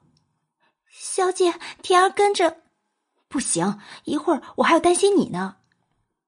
娄玄影好不容易将田儿劝回去，自己则立刻溜进景轩院，循着打斗声过去。他趴在花丛中，看着不远处热闹的场面。只见一群黑衣人包围着白泽，展开迅猛的攻击，每一掌都毫不留情的击向他。不，还有一名戴面具的黑衣人替白泽化解身后的攻势。如果他没猜错。面具人应该就是暗夜。刺客人多，但功夫却远不及白泽和暗夜。就在他暗想这场打斗会在多久后终止时，突然从身后传来某人惯有的冰冷声音：“娄玄影，谁准你进来的？”第七十二集。你不知道人吓人是会吓死人的。谁准你进来的？莫景浩没搭他的话，依旧冷眼瞪他，执着于刚才的答案。我自己啊，听到你这里这么热闹，进来瞧瞧。出去。不同于以往的淡漠，他的语气里有着让人不容置喙的坚定。还没等他有所反应，就听到他压抑的咳嗽声。娄玄影这时才抬头认真瞧他，惊讶的发现他的脸色竟然比之前更苍白的吓人。你生病了？他眨巴着眼睛，不确定的问。出去，还是你以为再被挟持，还有人会替你挡剑？切！你这里都是冷血的人，我才不会抱着这种不可能的想法。再说了，我只是看个热闹而已，谁说会被挟持？你少咒我。娄玄影收起刚才突然泛滥的小小同情心，对他这种冷血的男人根本用不着。他摇晃着脑袋，舒展了下双臂，两眼一瞄，发现景轩院除了进刺客外，也没什么异常之处。算了。好奇心已满足，安全起见，还是离开吧。娄玄影，本王最后说一次，立刻滚出景轩院，以后不准再进来。他刚打算离开，却又听到莫景浩傲慢的话，心一横，决定跟他唱起反调来。他要他走，他就偏不走。我就不走了。你来咬我！他朝他扮鬼脸耍赖的一屁股坐在台阶上，不愿再动。白泽，把这个女人丢出去！莫景浩朝打斗中的白泽下令。最无语的当属白泽，他应付着围攻他的黑衣人，还要思量究竟是抽身听王爷命令好，还是先解决黑衣人再说。王爷能不能考虑他现在正在护主中？白泽愣神的当下，让黑衣人有机可乘，原本稳守的局面微微发生变化。黑衣人注意到水榭那边的情况，发现目标，立刻转为攻向水榭。娄玄影见黑衣人朝这边逼近，吓得忙爬站起来往后退，刚才的嘚瑟早没了。妈呀，莫景浩，你这个衰神，好端端大喊把黑衣人往这边引过来干嘛？我滚蛋还不行吗？早知道这男人会这么冷血变态，他刚才就不去激惹他，应该乖乖离开才对。黑衣人攻过来。白泽和暗夜也立刻跟上来保护莫景浩，战场转移到水榭。刀剑无情，黑衣人挥剑过于狠厉，要是被剑锋扫掉，他的脑袋就着地了吧？白泽和暗夜只忠心护主，根本不会管他的死活。娄玄影自知他要活命只有两种可能：一种是溜出景轩院，避开这种混乱场面。另一种就是紧黏住莫景浩，白泽和暗夜绝对会拼了命的保护他。好奇心果然会杀死猫，他快把自己玩死了。娄玄影欲哭无泪，果断选择第二种方法，直接朝莫景浩跑过去，誓要黏住他不放。莫景浩绝对是故意的，只要他一靠近，他竟然有意无意的就往旁边挪开，避开他的接近。小气鬼，不就刚才跟他唱反调？他现在是存心要他死。碍事的女人。黑衣人的目标只是莫景浩，可白泽和暗夜牢牢的将他护住，还有一个女人挡在中间，惹恼了他们的后果就是直接挥剑划过去。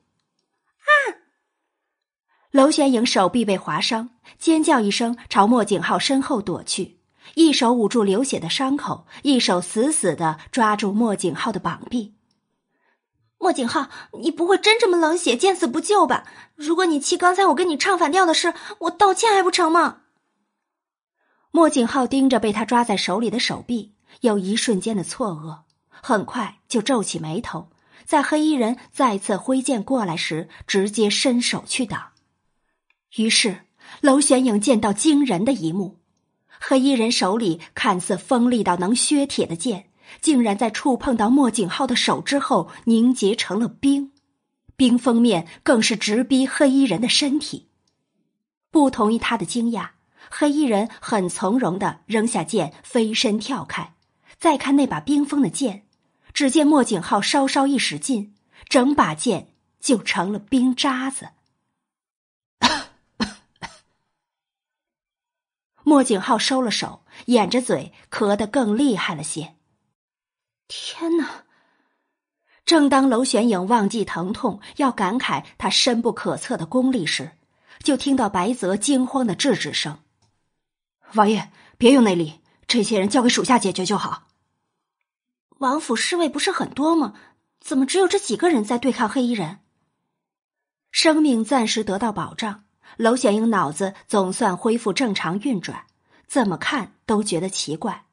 入侵的黑衣人起码有十几二十个，可对抗的只有白泽、暗夜和刚才把守的两名侍卫。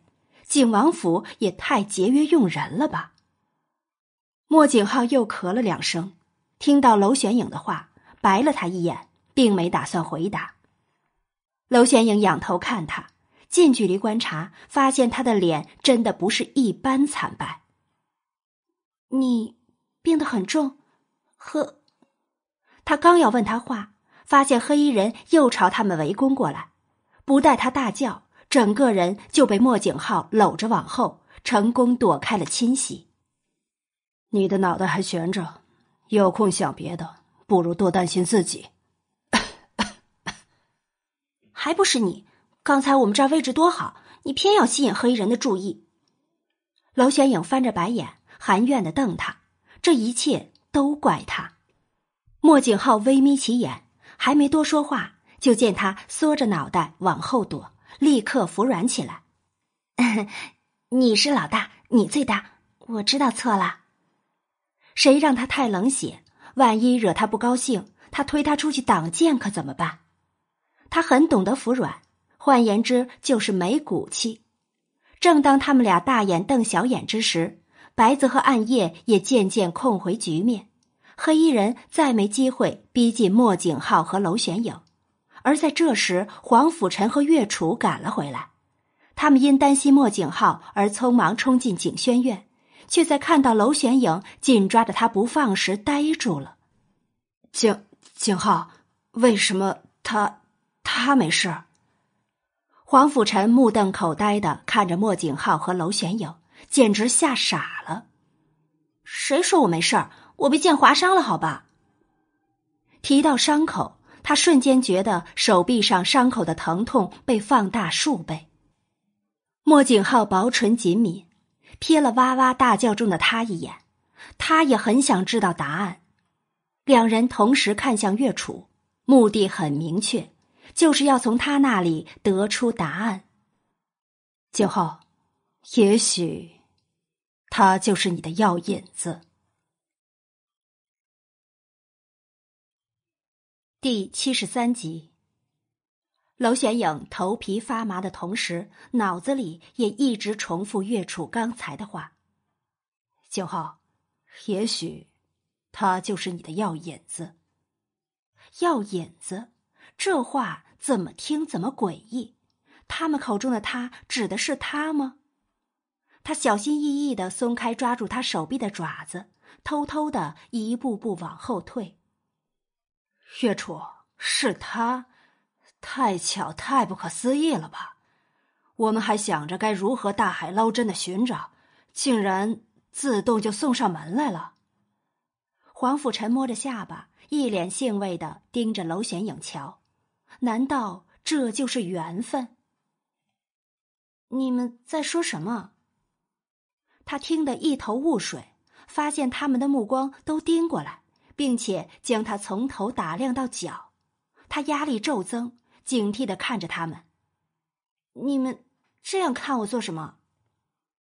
他们说的话太吓人，要引子，加上莫景浩现在这病秧子的模样，他们不会是想把他杀了炼药吧？娄显影越想越可疑，脚步也越退越后。不想死就快滚！他心里的想法，莫景浩一目了然，瞪了他一眼。冷声道，说完也不待其他人反应，兀自转身往水榭外走，跨过血淋淋的尸体，仿佛一切都没看见。娄玄影一听，撒腿就要跑，脚刚抬起，就被岳楚叫住了。楼大小姐受伤了，既然我在这里，怎么样都该替她包扎一下吧。随你，但终止你心里的计划。莫景浩停下脚步，淡漠的对岳楚道：“嗯，不用了，我自己回去包扎，不必麻烦神医。”他忙着摆手，这点伤还难不倒他，更何况他越看他们的表情越古怪，安全起见，他还是应该溜。然而他刚要跑出水榭，一把银亮的长剑就架在了他的脖子上，他吓了一跳，抬头一看。戴着银色面具且一身黑衣的暗夜正冷眼瞪他。莫景浩，是你让我滚的，现在又是什么意思？暗夜，收手。莫景浩皱眉，又咳了两声，命令暗夜收手。暗夜迟疑，好一会儿才收了剑，但依然盯着娄玄影瞧。只要他有跑的动静，他手中的剑也随时准备再次架起。景浩，毒发的滋味你不止承受过一次，你那简直是生不如死。难得找到对你的毒症毫无反应的人，怎么样都该试一试吧。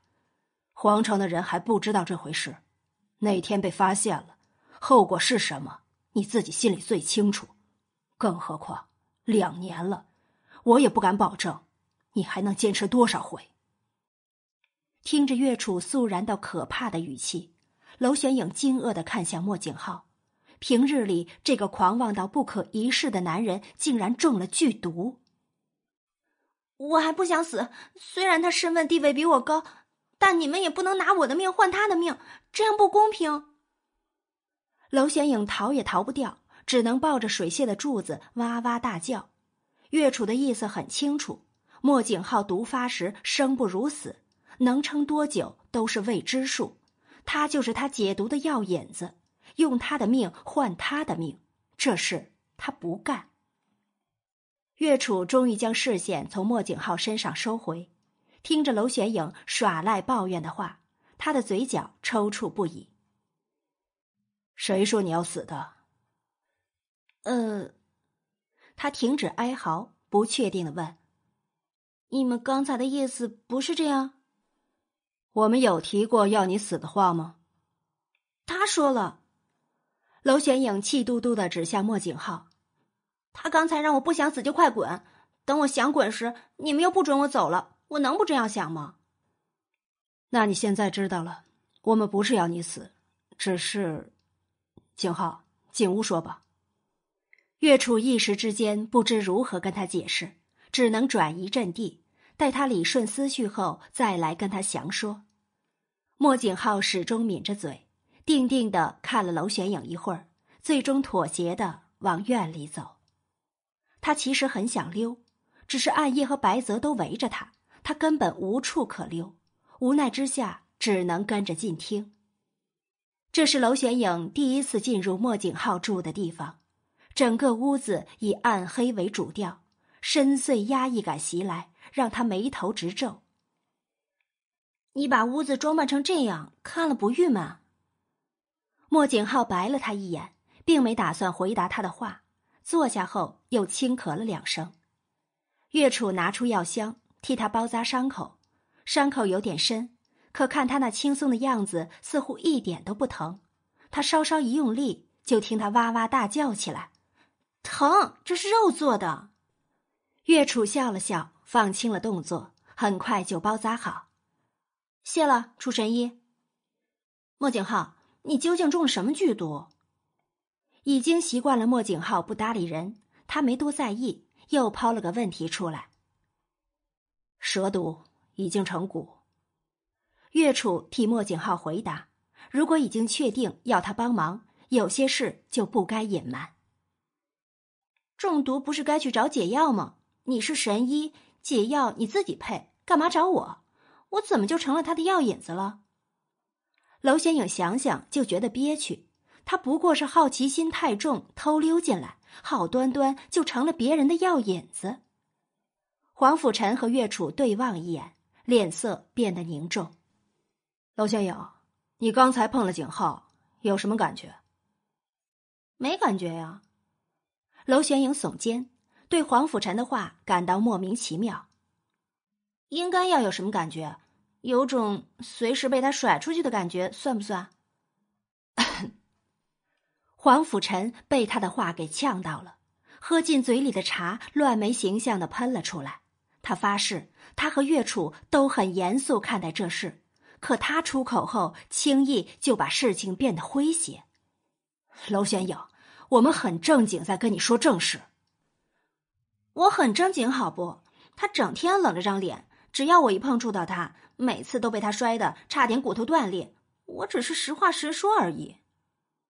黄甫，我倒是发现了，你和他说没两句话准吵起来。你别说了，我来。岳楚实在看不下去了，他在旁边观望他们多久，就听他们吵多久，耳朵都要长茧了。黄甫臣摆手：“行，这事你来解释。”老大小姐。娄玄影，你不觉得叫娄大小姐很别扭吗？直接叫名字。娄玄影从桌上捞起一杯茶，懒懒的靠在软椅上，拨着茶盖摆弄起来。呃，好吧，我再向你确认一件事：你刚才碰触景浩时没感到冰冷？哼，他一向不都是冷冰冰的吗？早习惯了。娄显影看了脸色苍白的莫景浩一眼。见他也皱眉看过来，眼神碰撞，两人自然互看不对眼。他哼的一声，没好气的道：“不，我的意思不是感觉，而是一种真实感受。你碰他，不觉得会浑身发冷吗？”娄玄影不解的摇头，就见岳楚向门外守着的白泽发话：“白泽，端盆热水进来。”白泽很快将热水端进来。娄玄影在心里感慨：万能的白泽。既能当护卫用，还能当侍从知识。他不明所以的看着岳楚站起来，挽起衣袖去碰青壳中的莫景浩。在莫景浩的皱眉中，他看到一种诡异的现象：岳楚碰触到莫景浩的手，竟然从指尖开始慢慢冻结。第七十四集，娄玄影惊得啧舌。已经不能言语，半天才结巴的问：“为为什么？”他颤颤的朝莫景浩伸出手，先是试探性的在他手臂上戳了戳，遭来他的冷眼瞪视。他视而不见，继续戳着，半天没出现月楚那种冰化的症状，才大胆的整只手搭在他身上揉捏起来。莫景浩额前的青筋凸显。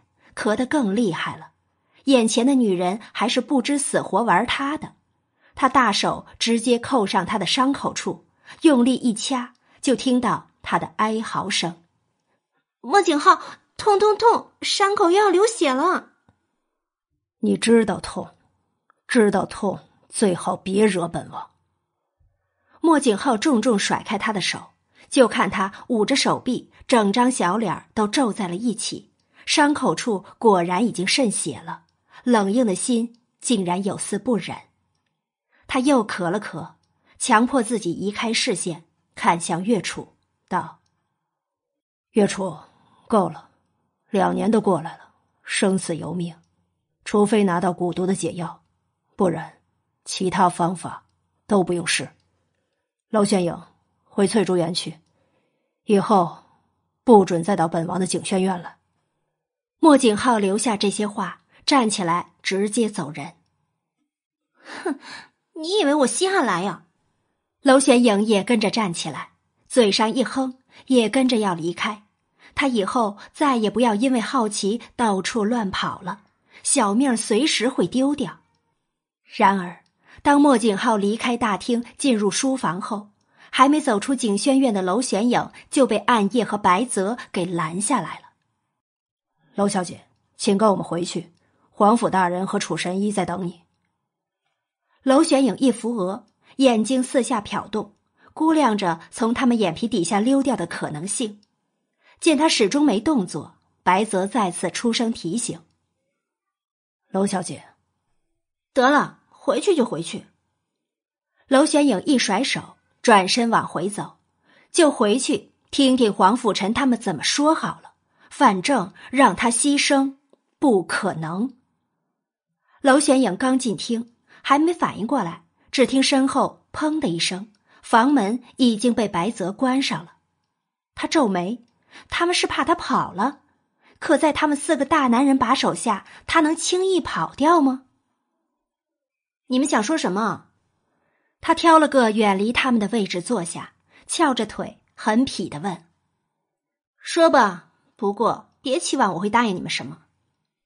黄甫臣脸色很凝重，看了他半天，才道：“娄玄友，你不能尝试帮一下景浩。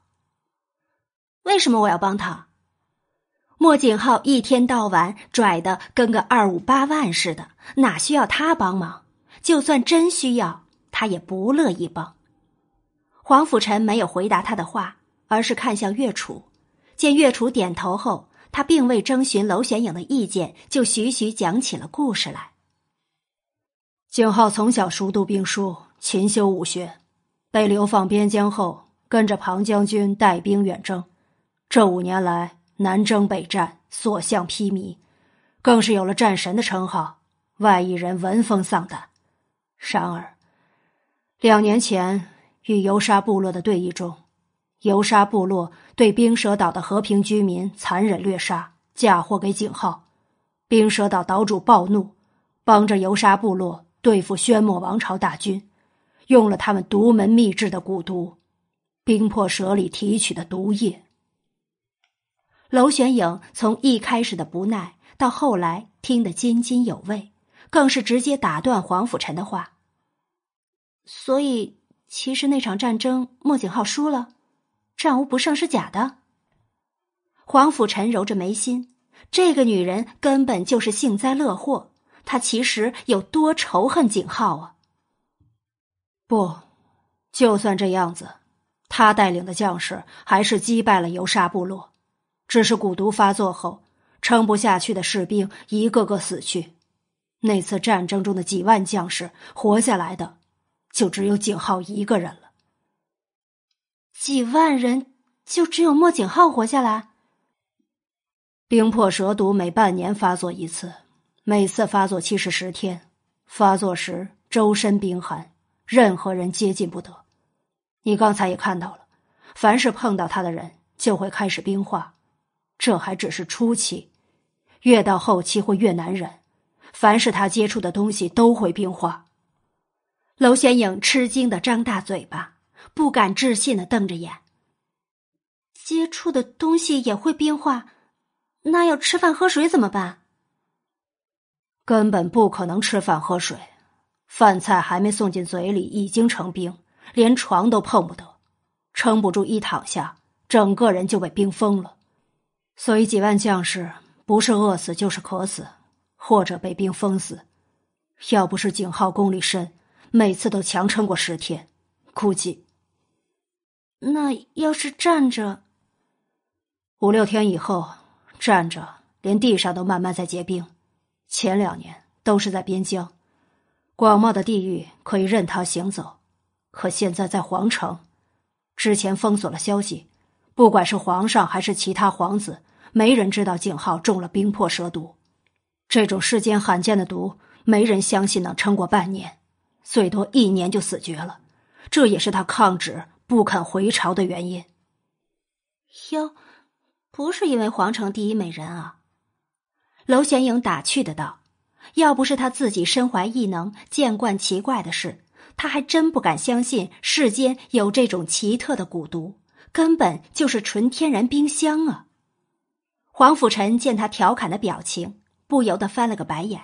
要不是发现莫景浩的毒对他没效，他们也不会向他透露这事。娄玄影，这不是玩笑话。在皇城想要景浩命的人很多，若这事传出去，在他最虚弱的时候，敌人来偷袭，就算他撑得过去，也难活命。刚才黑衣人不是闯进来了吗？在他蛊毒发作时偷袭，估计这事儿早传开了。他晃着腿，不甚在意的询问，终究是因为他跟莫景浩不大熟，又总被欺负，才懒得设身处地的为他着想。那些人是冰蛇岛来的，他们不会外传，要传两年前就传了。不过现在在皇城，这事瞒不了多久。也许再过不久，大家就会发现景浩中了冰魄蛇毒的事。娄玄影刚才只把他当故事来听，根本没去深思。可一想，又发现这个故事矛盾点太大。等等，我怎么听着那么奇怪？掠杀冰蛇岛的人并不是莫景浩，一开始有误会也就算了，可没做的事总能解释清楚吧？那岛主知道是误会后，不是应该愧疚，然后把解药送出来吗？不交也就算了，派人来刺杀，你说刺杀就刺杀吧，让消息外传，总有人帮他一起杀呀。如果我告诉你，冰蛇岛岛主是个蛇蝎美人呢？冰蛇岛被掠杀的事，随着游沙部落的灭亡，他就不计较了。至于蛊毒之事，他说是独门秘方，动用这毒就是要置对方于死地，没有解药。唯一解除的方法就是，是什么？第七十五集。娄玄影拍桌大笑。感情他是看上莫景浩了，没错，他要景浩屈从于他，放弃宣墨王朝的一切，跟他隐居冰蛇岛。他还要莫景浩入赘啊？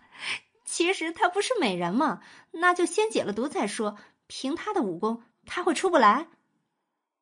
娄玄影的幸灾乐祸与黄甫臣和岳楚的凝重形成鲜明对比，让黄甫臣和岳楚同时怀疑，把这事跟他说究竟是对的还是错的。冰蛇岛与世隔绝，究竟有多少稀奇古怪的毒，谁也不知道。这些毒，甚至连岳楚都解不了。景浩进去了，还能有再出来的道理？他会用更多的毒控制他。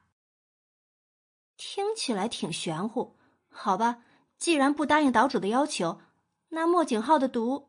慢着，娄玄影大有继续闲聊打屁的意思，可突然反应过来，就在刚才，黄甫臣似乎有跟他提过唯一的解毒方法——阴阳交合。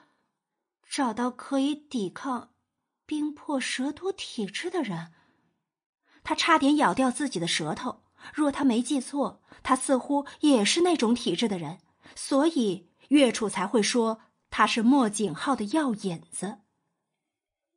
没错，岳楚点头，给了他一个肯定的答案，然后就看到他跳了起来，急着要往外跑。无奈门已经被上锁，他根本出不去。才不要！莫景浩是死是活关我屁事儿！我干嘛为了救他牺牲自己的清白？不可能！我不答应！你另请高明。知道出不去，他也不再浪费力气，走到黄甫臣和岳楚跟前，叉着腰，气呼呼的道：“娄玄影，两年了，景浩体内的蛊毒还是没解除，而且发作是越来越严重。刚才……”他还使用了内力，终有一天他会撑不住。那也是他的事儿，我又不是圣母，做不出牺牲自己的事儿。更何况世间女人多的是，能抵抗冰魄蛇毒的人又不止我一个，自然能找到愿意帮他暖床的人。反正我不要。娄玄影将脑袋摇得跟拨浪鼓似的，他总算明白，在景轩院外垂钓时，看到万总管带着那些女人进来做什么了。岳楚是想找到能替莫景浩解毒的女人，而他竟然笨得自己撞上门来。不，这种人并不多，找起来更是如同大海捞针般困难重重。更何况，景浩并不支持这种做法，也很抗拒，他根本不愿让那些女人近身。而且，就算要试，那也只能等他蛊毒发作时试。可一试，估计不用等第二天，景浩中毒的事便会传遍整个皇城。要不是逼不得已，今日我和岳楚也不会尝试这种方法。只是没想到，你竟然就是我们要找的人。踏破铁鞋无觅处，得来全不费工夫。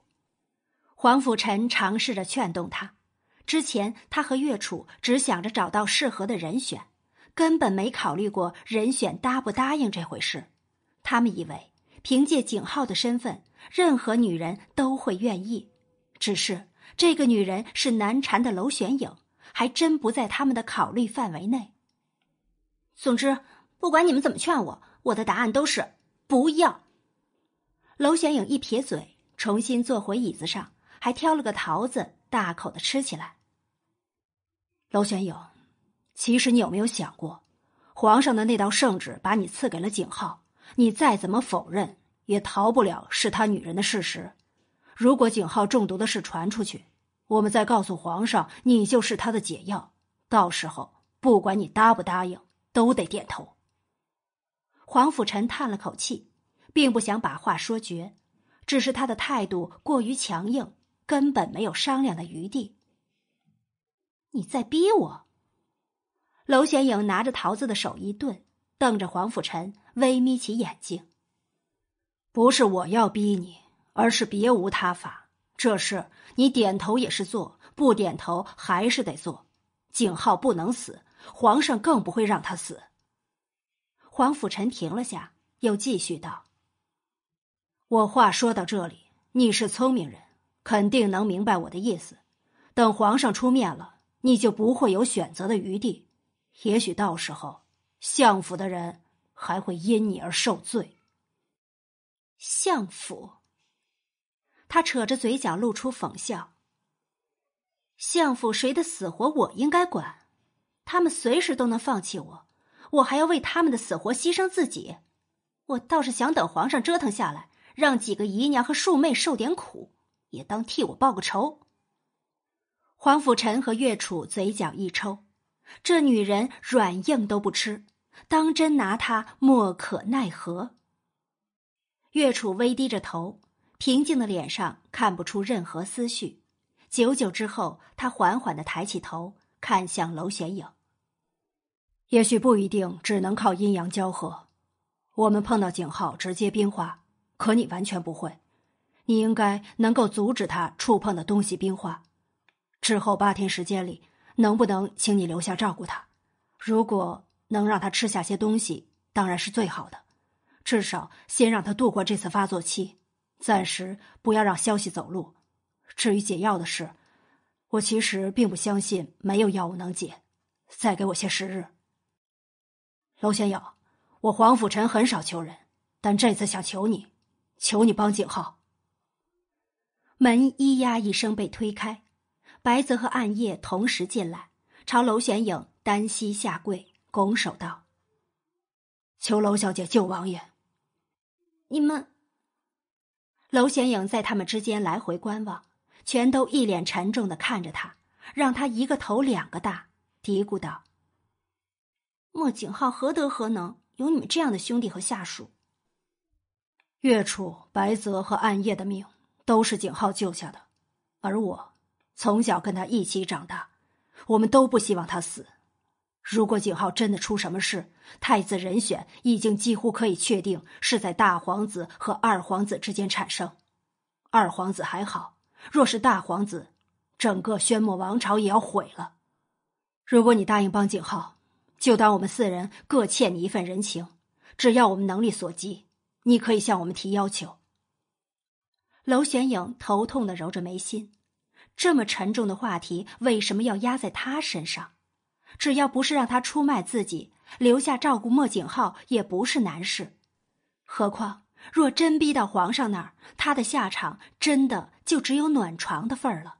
扪心自问，其实他也不希望莫景浩死。再怎么否认，看着那张脸，他常常还是会有错觉。毕竟，他真的喜欢过萧默。第七十六集。就算我答应照顾他，他乐意看到我在他身边晃吗？每次看到我都臭着张脸，恨不得掐死我。只要你同意，景浩那儿交给我们去劝说。听他似乎有些松口，黄甫臣心下大喜，忙极力向他保证。而且你可以放心，我们一定不会让景浩欺负你。娄玄影撇嘴。他的保证顶个屁用啊！莫景浩看他不爽，还不是想摔就摔。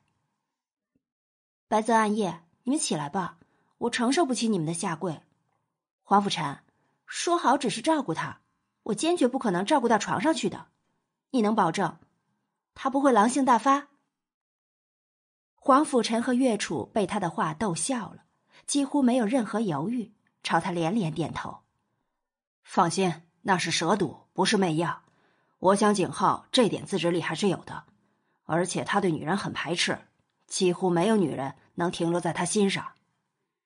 除了皇城第一美人，你好奇心太重了。这事你还是别多问，否则最后怎么死的都不知道。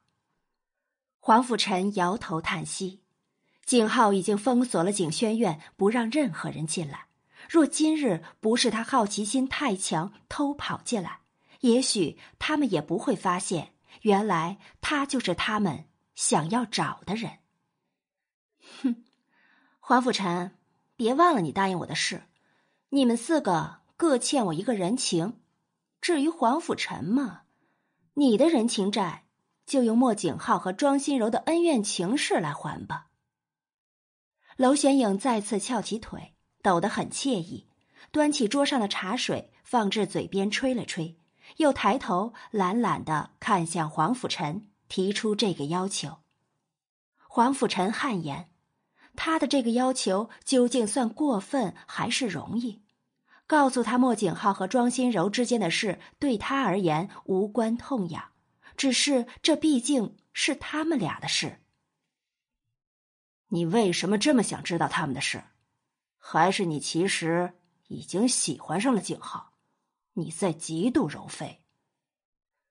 噗的一声，娄玄影将入口的茶水全都喷了出来，翻着白眼，不悦的道：“呸！喜欢他毛线啊！要嫉妒个屁呀！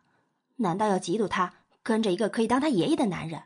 嫉妒他被关在深宫里，没有任何自由？”娄玄影。这话你在这里说说也就算了，出了景轩院千万别再提。若传到皇上耳里，可是杀头的大罪。不过你真不用嫉妒，就像你说的，柔妃身份已定，就算她和景浩有怎样的过往，都已经过去了。其实只要你愿意，景王妃的位子迟早是你的。毕竟相对于其他女人，莫景浩对你还是比较上心的。冷漠到几乎无情的莫景浩，经常被他气得牙痒痒，这也是另类的上心。黄甫臣在心里这样补充，抬眼就看到娄玄影阴沉的脸，突然见他嘴角微弯，他有不好的预感。果然，下一刻他抄起手边的东西，全都朝他掷过去：茶杯、桃子、盘子、糕点。黄甫臣，我再说一次，不是嫉妒。这不是恼羞成怒，就是欲盖弥彰。黄甫臣这样想着，如今可没胆说出来，忙妥协。好，不是嫉妒，是我理解错误。好一会儿，他总算消停了，因为他手头边没东西可以丢了。话说，你要不是嫉妒，为什么想知道景浩和柔妃的事？好奇，而且庄心柔得罪了我。他可不会忘记上次差点被他陷害的事。要是莫景浩没有及时出现，他就以谋杀皇子的罪名被处斩了吧。他得罪你？黄甫臣很想知道其中内幕，不过很快被他打断。这是我和他的事，与你无关，我也不会说，因为我没欠你人情，不必非得告诉你。娄玄影笑得很贼。黄甫臣想知道，可他偏不说。不说就算了。不过，就算他得罪你，你知道他们过去的事也没用，他还能受你威胁不成？而且我告诉你，他和景浩的事，皇上知道的一清二楚，劝你别犯傻。你当我傻？白痴都看得出来他们三个有问题，你还以为我会拿这事去威胁他？我只是想知己知彼，仅此而已。娄玄影翻了个白眼。都不知道黄甫臣这脑袋构造是怎样的。答不答应？不愿意就算了，我要回翠竹园去了。他从椅子上站起，还伸了个懒腰，说着就要往外走。成交，但这事你不能让景浩知道，否则我会死很惨。你还要答应我，知道其中内幕后不能外泄。黄甫臣见他果真要走，被逼无奈，只能答应。没问题。娄玄影停住脚，笑嘻嘻的答应下来。我要怎么照顾莫景浩？伺候他吃喝拉撒？娄玄影，女孩子家说话能文雅点吗？怎么不文雅了？难道你不用吃喝拉撒？他没好气的反驳：“说个话都要文绉绉，他还要活吗？”行，你赢了。黄甫臣无奈极了，决定不跟他争辩这事，只好转移话题。你从现在起跟在莫景浩身边，至于该怎么做，你是聪明人，自己看着办。一天到晚跟着他，万一被他轰出来，我多没面子。不会，你只要照顾他八天，这八天你都住在景轩院。至于其他事，交给我和月初。黄甫臣对他说完后，又看向白泽，吩咐道。白泽，到翠竹园让娄小姐的丫鬟收拾好她的东西带过来。一定要住在这儿？我能够白天过来吗？不能。再过几天，景浩一天十二个时辰都会需要你。娄玄影无语，他有种跳进火坑的感觉。等等，我答应易君谦每天跟他学画画一个时辰的。你竟然背着景浩和情人私会！黄甫臣不敢置信的瞪着他，可话还没说完就被他打断：“喂，什么背着他和情人厮混？我跟易君谦是朋友，我想学画画，他愿意教我。更何况我跟莫景浩没任何关系，我跟谁做什么都是我的自由。所以每天申时我要出府。”他和黄甫臣干瞪着眼，脸气得鼓胀起来。岳楚笑着拉住黄甫臣，以眼神示意交给他。玄影，让皇甫碰到他时说一声，景浩的情况真的很特殊，只要过了这八天，绝不阻拦你的自由，可以吗？他观察了这么久，发现娄玄影虽然软硬都不吃，但是只要态度诚恳，能够说服他，他不会不近人情。只见他为难的看着岳楚，犹豫纠结了一阵，终于还是默默的点头，看向黄甫臣，恶声恶气的道。你今天就去找易君谦，跟他说我最近不能去学画画，就说说我病了。黄甫臣张口想回绝，他一直都看好景浩和他，可他竟然一直和易君谦纠缠在一起。可还没等他说话，就被岳楚拉住了。黄甫，顺着他，我带他去找景浩。第七十七集。什么事？信浩，我。岳楚示意他进声。进来。他一听，用力推开了门，探着脑袋往里边瞧，依旧是暗黑系的格调，略显压抑。他才刚皱眉，还没发表意见，就听得莫景浩恼怒的对他道：“谁准你进来的？”娄玄影朝他吐了吐舌头。死皮赖脸就蹭进屋里，指着岳楚回答：“他让我跟着，而你刚才请他进来。”莫景浩薄唇紧抿，眼里蓄满怒意，站起来一步步朝他们走过来，视线一直没有离开他。娄玄影，如果本王没记错，刚才是让你离开景轩园，不准再踏进来，而你也答应了。因为你问他，他的眼珠子咕噜噜的转着，纤纤细手一指，就将责任推给了岳楚。他说过，他只要负责照顾莫景浩就好，其他事都交给他处理。莫景浩看向岳楚，眼里有不赞同，眉头也微蹙。岳楚，终止计划。是的，不止你不肯，他也不愿意。我也想过了。如果为了解毒强迫你们在一起，对你们都不公平。我和皇甫都相信你身上的冰魄蛇毒肯定有药可解。再给我半年时间，可你总要撑过这次吧。让他留下，仅是照顾你，我也顺便看看他是怎样化解你毒症带来的一切，也许能找到解药的灵感。岳楚笑着解释：“你不能死，你要完成的事都没做完。”他能帮助你，相信我。莫景浩，你摆什么臭脸？要不是你两个好兄弟和两个好下属那么诚恳的求我，我压根儿不想照顾你。男儿膝下有黄金，你那一身傲骨的下属跪地求我救你，我是被他们感动了。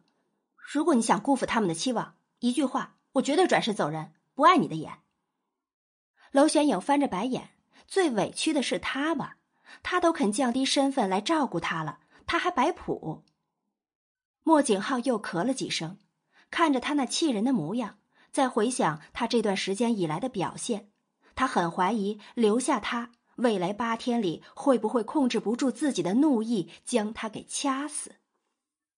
房里的东西未经本王允许，不准乱动。他一挑眉，他这样说算是同意他留下了。岳楚让我一直跟着你，你有眼睛看。如果是我不该动的，你直接说就好。让我什么东西都不动，每天盯着你十二个时辰，还不得无聊死我？你们俩慢慢磨合，我去翻看医书，找找解药。目的已达到，岳楚也决定功成身退，笑着转身离开，还准备替他们带上房门。对了，景浩，我和皇甫可是承诺过他，你可不能趁机将他拐上床。拨穿入腹。他留下刺激人的话，砰的一声将房门带上。当然没看到娄玄影和莫景浩的脸都黑青了。世间男女之事最难懂，如果把他们牵绑在一起八天，还是没能擦出火花，只能证明他们没缘分。岳楚离开后，莫景浩的脸色也跟着阴沉下来。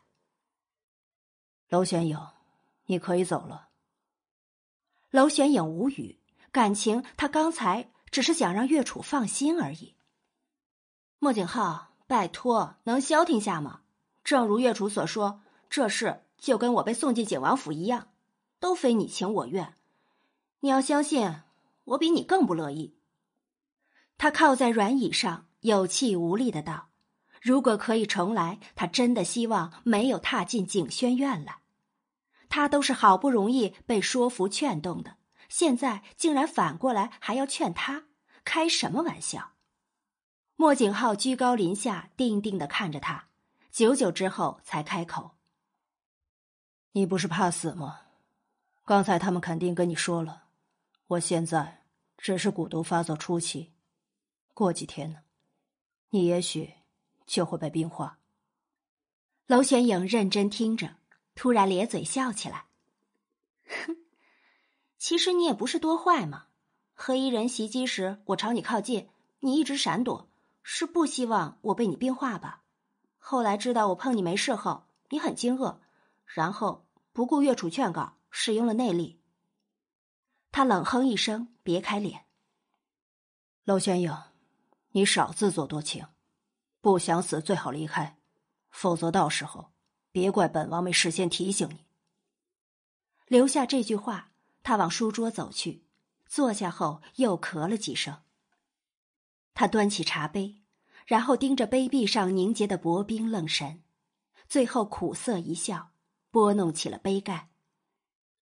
娄玄影也看到了那层薄冰，眨巴着眼睛从软椅上起来，朝他走过去，伸出手试着去碰他手中的茶杯，然后两人同时注意到那薄冰。竟慢慢散去。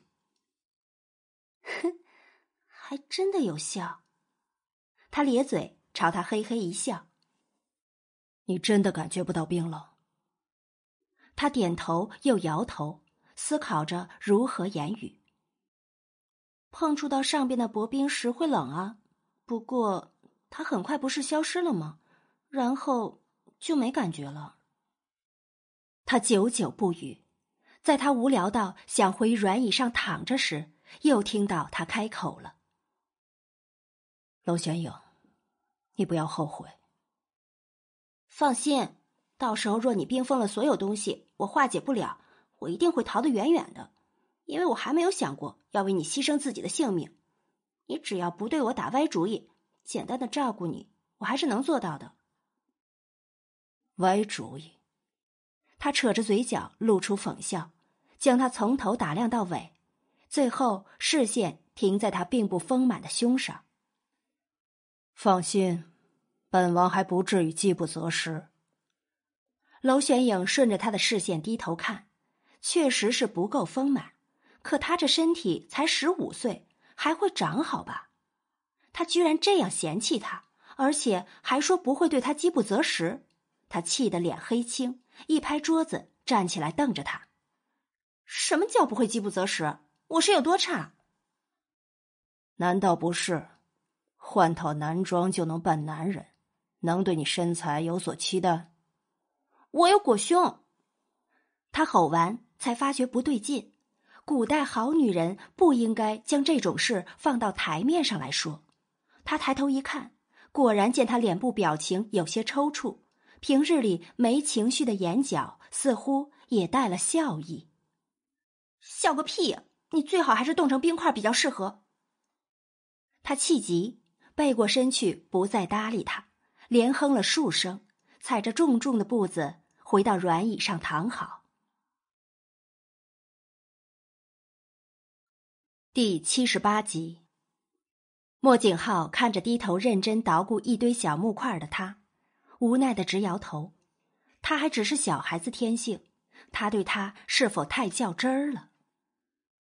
敲门声传来，白泽的声音也在门外响起：“王爷，饭菜送来了。”看向仍玩的不亦乐乎的娄玄影，两条白嫩的玉腿还露出一大截儿，可他未有所觉。莫景浩想着，就算提醒了他，他也不会在意。娄玄影，把腿收一收。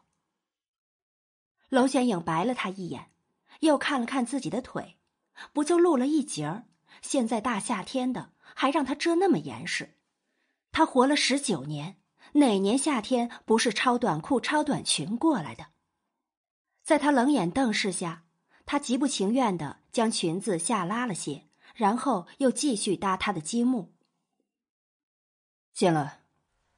房门被推开，白泽一眼就看到坐在地上玩耍的娄玄影。他帮他带来的那袋积木散乱的满地都是，甚至连他踩的位置旁边都有几块。他惊讶，王爷。竟然任他在房里玩乐，他很快收回视线，脸上又恢复了惯有的木然，将饭菜端过去，放在圆桌上，一道道摆上。王爷，娄小姐的饭菜也端来了，是否一块摆上？嗯。莫景浩轻嗯了声，然后就听到娄玄影在那头大叫：“神兽，帮我把饭菜端到这里来呗！我才不跟他坐着一起吃。”影响我消化。白泽摆菜的手一顿，不确定的看向莫景浩。王爷，莫景浩脸一黑，瞪了那头也未抬的女人一眼，冷声命令：“娄玄影，玩的一手脏兮兮，还想不洗手吃饭？不洗手，你今晚也别吃饭了。”他抬手一看，果真挺脏的，可他管的不会太宽了吗？他洗不洗手关他什么事儿？就不洗就不吃，哼！他傲娇的鼻子一哼气，刚要继续玩，嗖的一声，一个异物朝他这边飞过来。他尖叫一声，从地上跳起来，险险的躲过攻击。然而一低头，发现他花了半天功夫快搭好的房子已经全散了。那异物是茶杯盖，正压着积木安稳的躺着。莫景浩，你脑子有毛病啊！我做什么关你什么事儿？你看不顺眼可以不看，要不是看在神兽他们的份上，你以为我愿意留在这里啊？你赔我的房子！他气得朝他大吼，他大半天的心血就这样毁在他的手里。瞪了一会儿，委屈的扁着嘴，只差没哭起来。承受着他指责的目光，他捏着眉心，有些无奈。女人果然麻烦，看不过他那无理的态度。他出手只是想吓唬他，没想到他反应竟然这么大。闭嘴！搭个破木块大半天。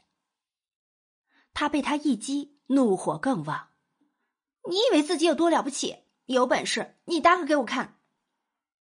他盯着他，沉默了好半晌，薄唇紧抿，朝白泽招手：“饭菜先收起来，把那些木块拿过来。”白泽听后诧异的瞪大眼，几乎不敢相信自己耳朵听到的。王王爷，莫景浩不悦的瞪了白泽一眼，道：“还不快点儿！”白泽虽有满腹疑惑，但还是迅速收拾起来，将那袋小木块搬起，倒在桌上，然后就看到王爷摆弄起来。白泽，你可以下去了。是王爷。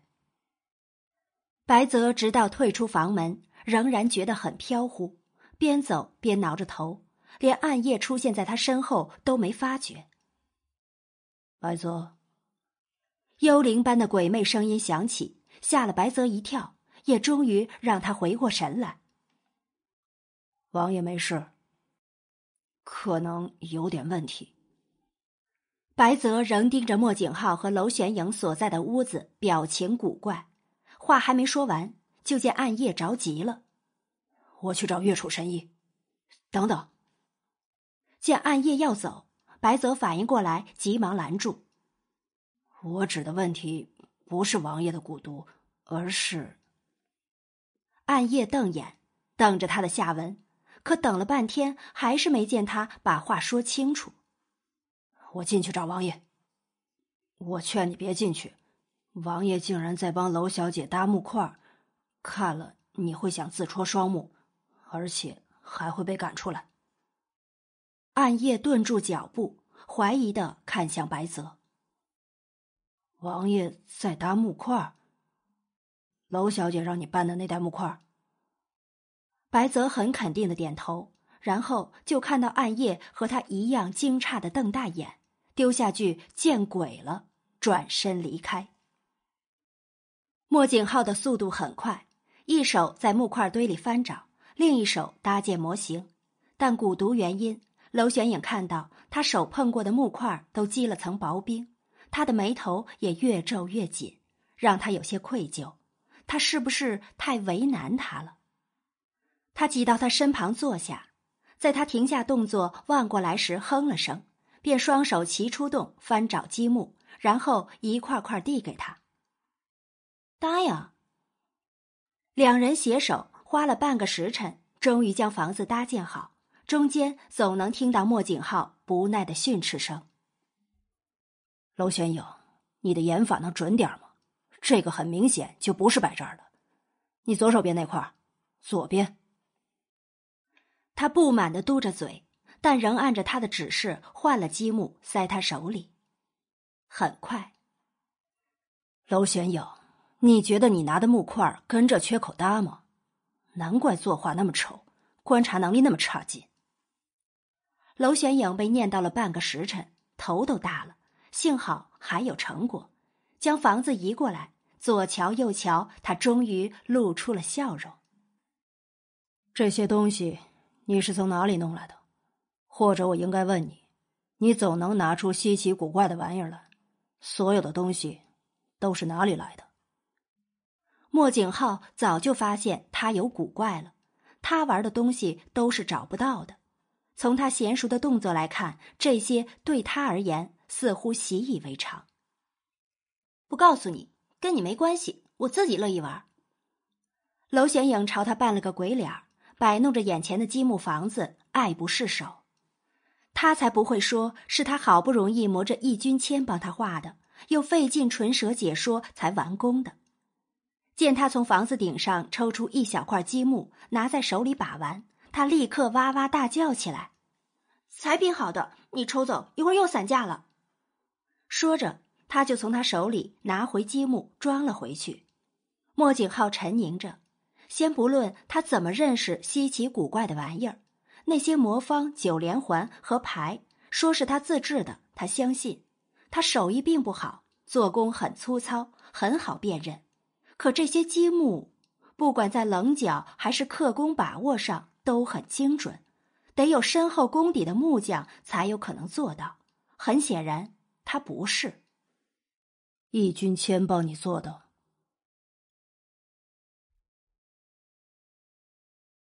第七十九集。你觉得是便是吧？他们又不熟，他不用担心他向易君谦套话。其实从小白出现在易君谦面前时，他应该已经发现他的不对劲了，只是一直没点破。当然，他更不可能主动承认。很好，娄玄影，你竟然让一个画师甘愿当你的木匠，你是准备给我把绿帽戴实了是吧？莫景浩。你总是这么莫名其妙。首先，我跟你没有任何关系，你也说了，我们迟早各归各路。其次，我跟易君谦只是普通朋友，他只是教我画画，不可能发生任何不洁之事。娄玄影气急，为什么他们总要在这个问题上争辩？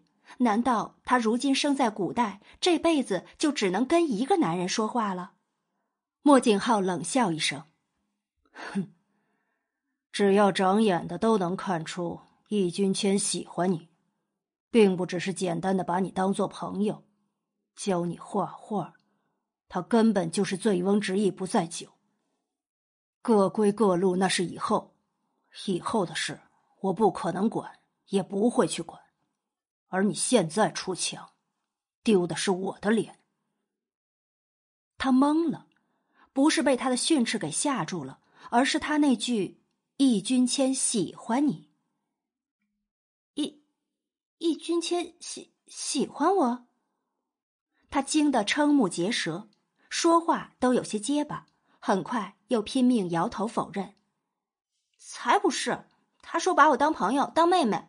我当年救了他，他心存感激，知道我想学画画，才愿意教我的。虽然我不记得当年的事。”他逆着他，仿佛在看一个白痴。这话你也信？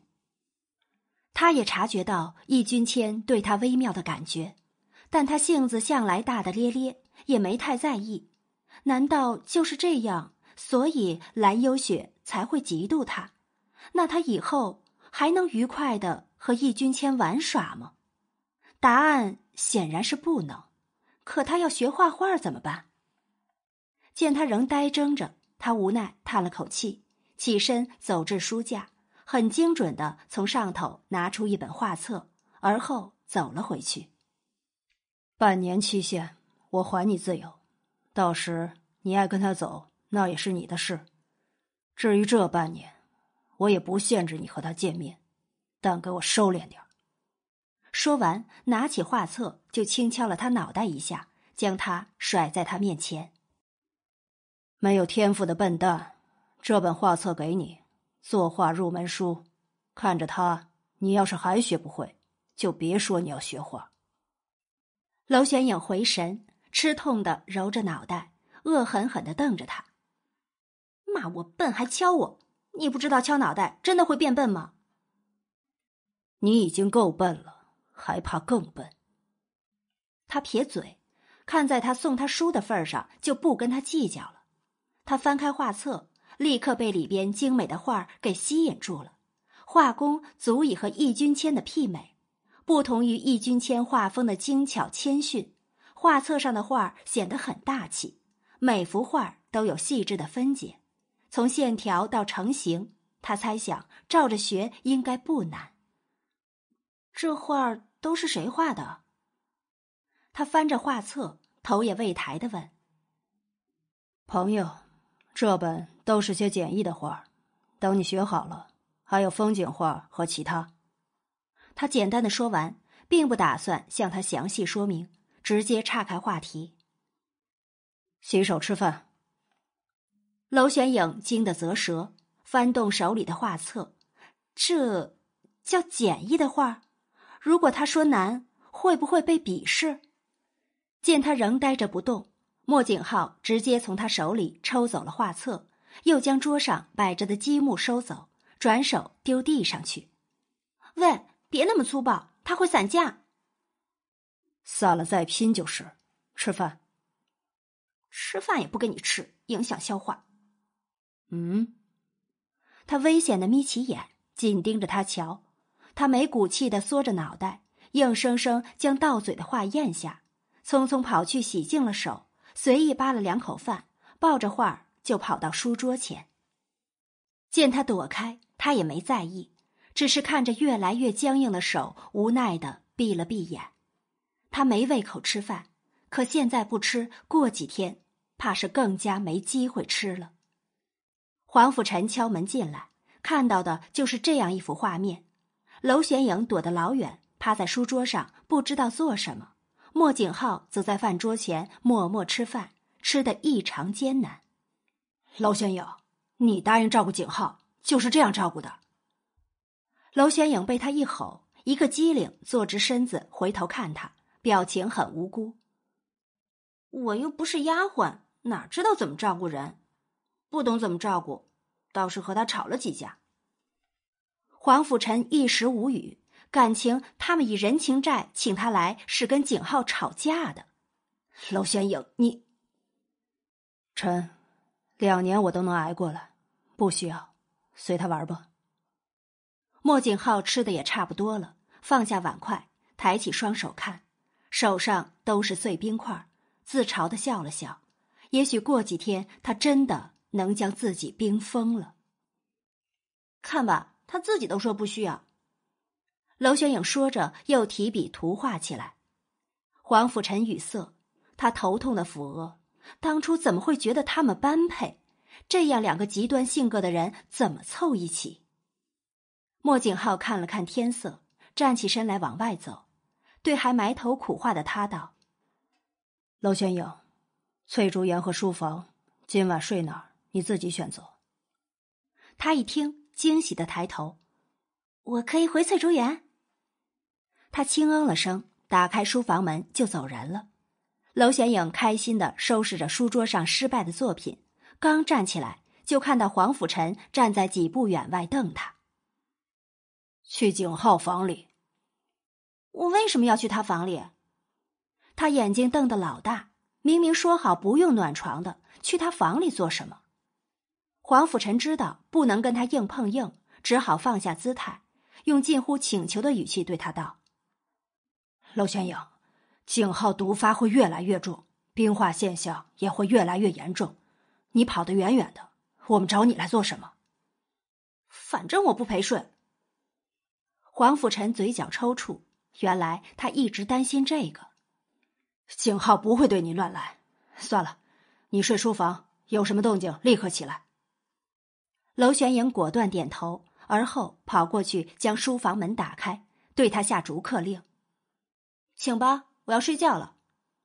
黄甫臣瞪他，离开前留下句警告的话：“你只要记住一句话，景浩要是出什么意外，你以后的日子也不会好过。”威胁，这一定是赤裸裸的威胁。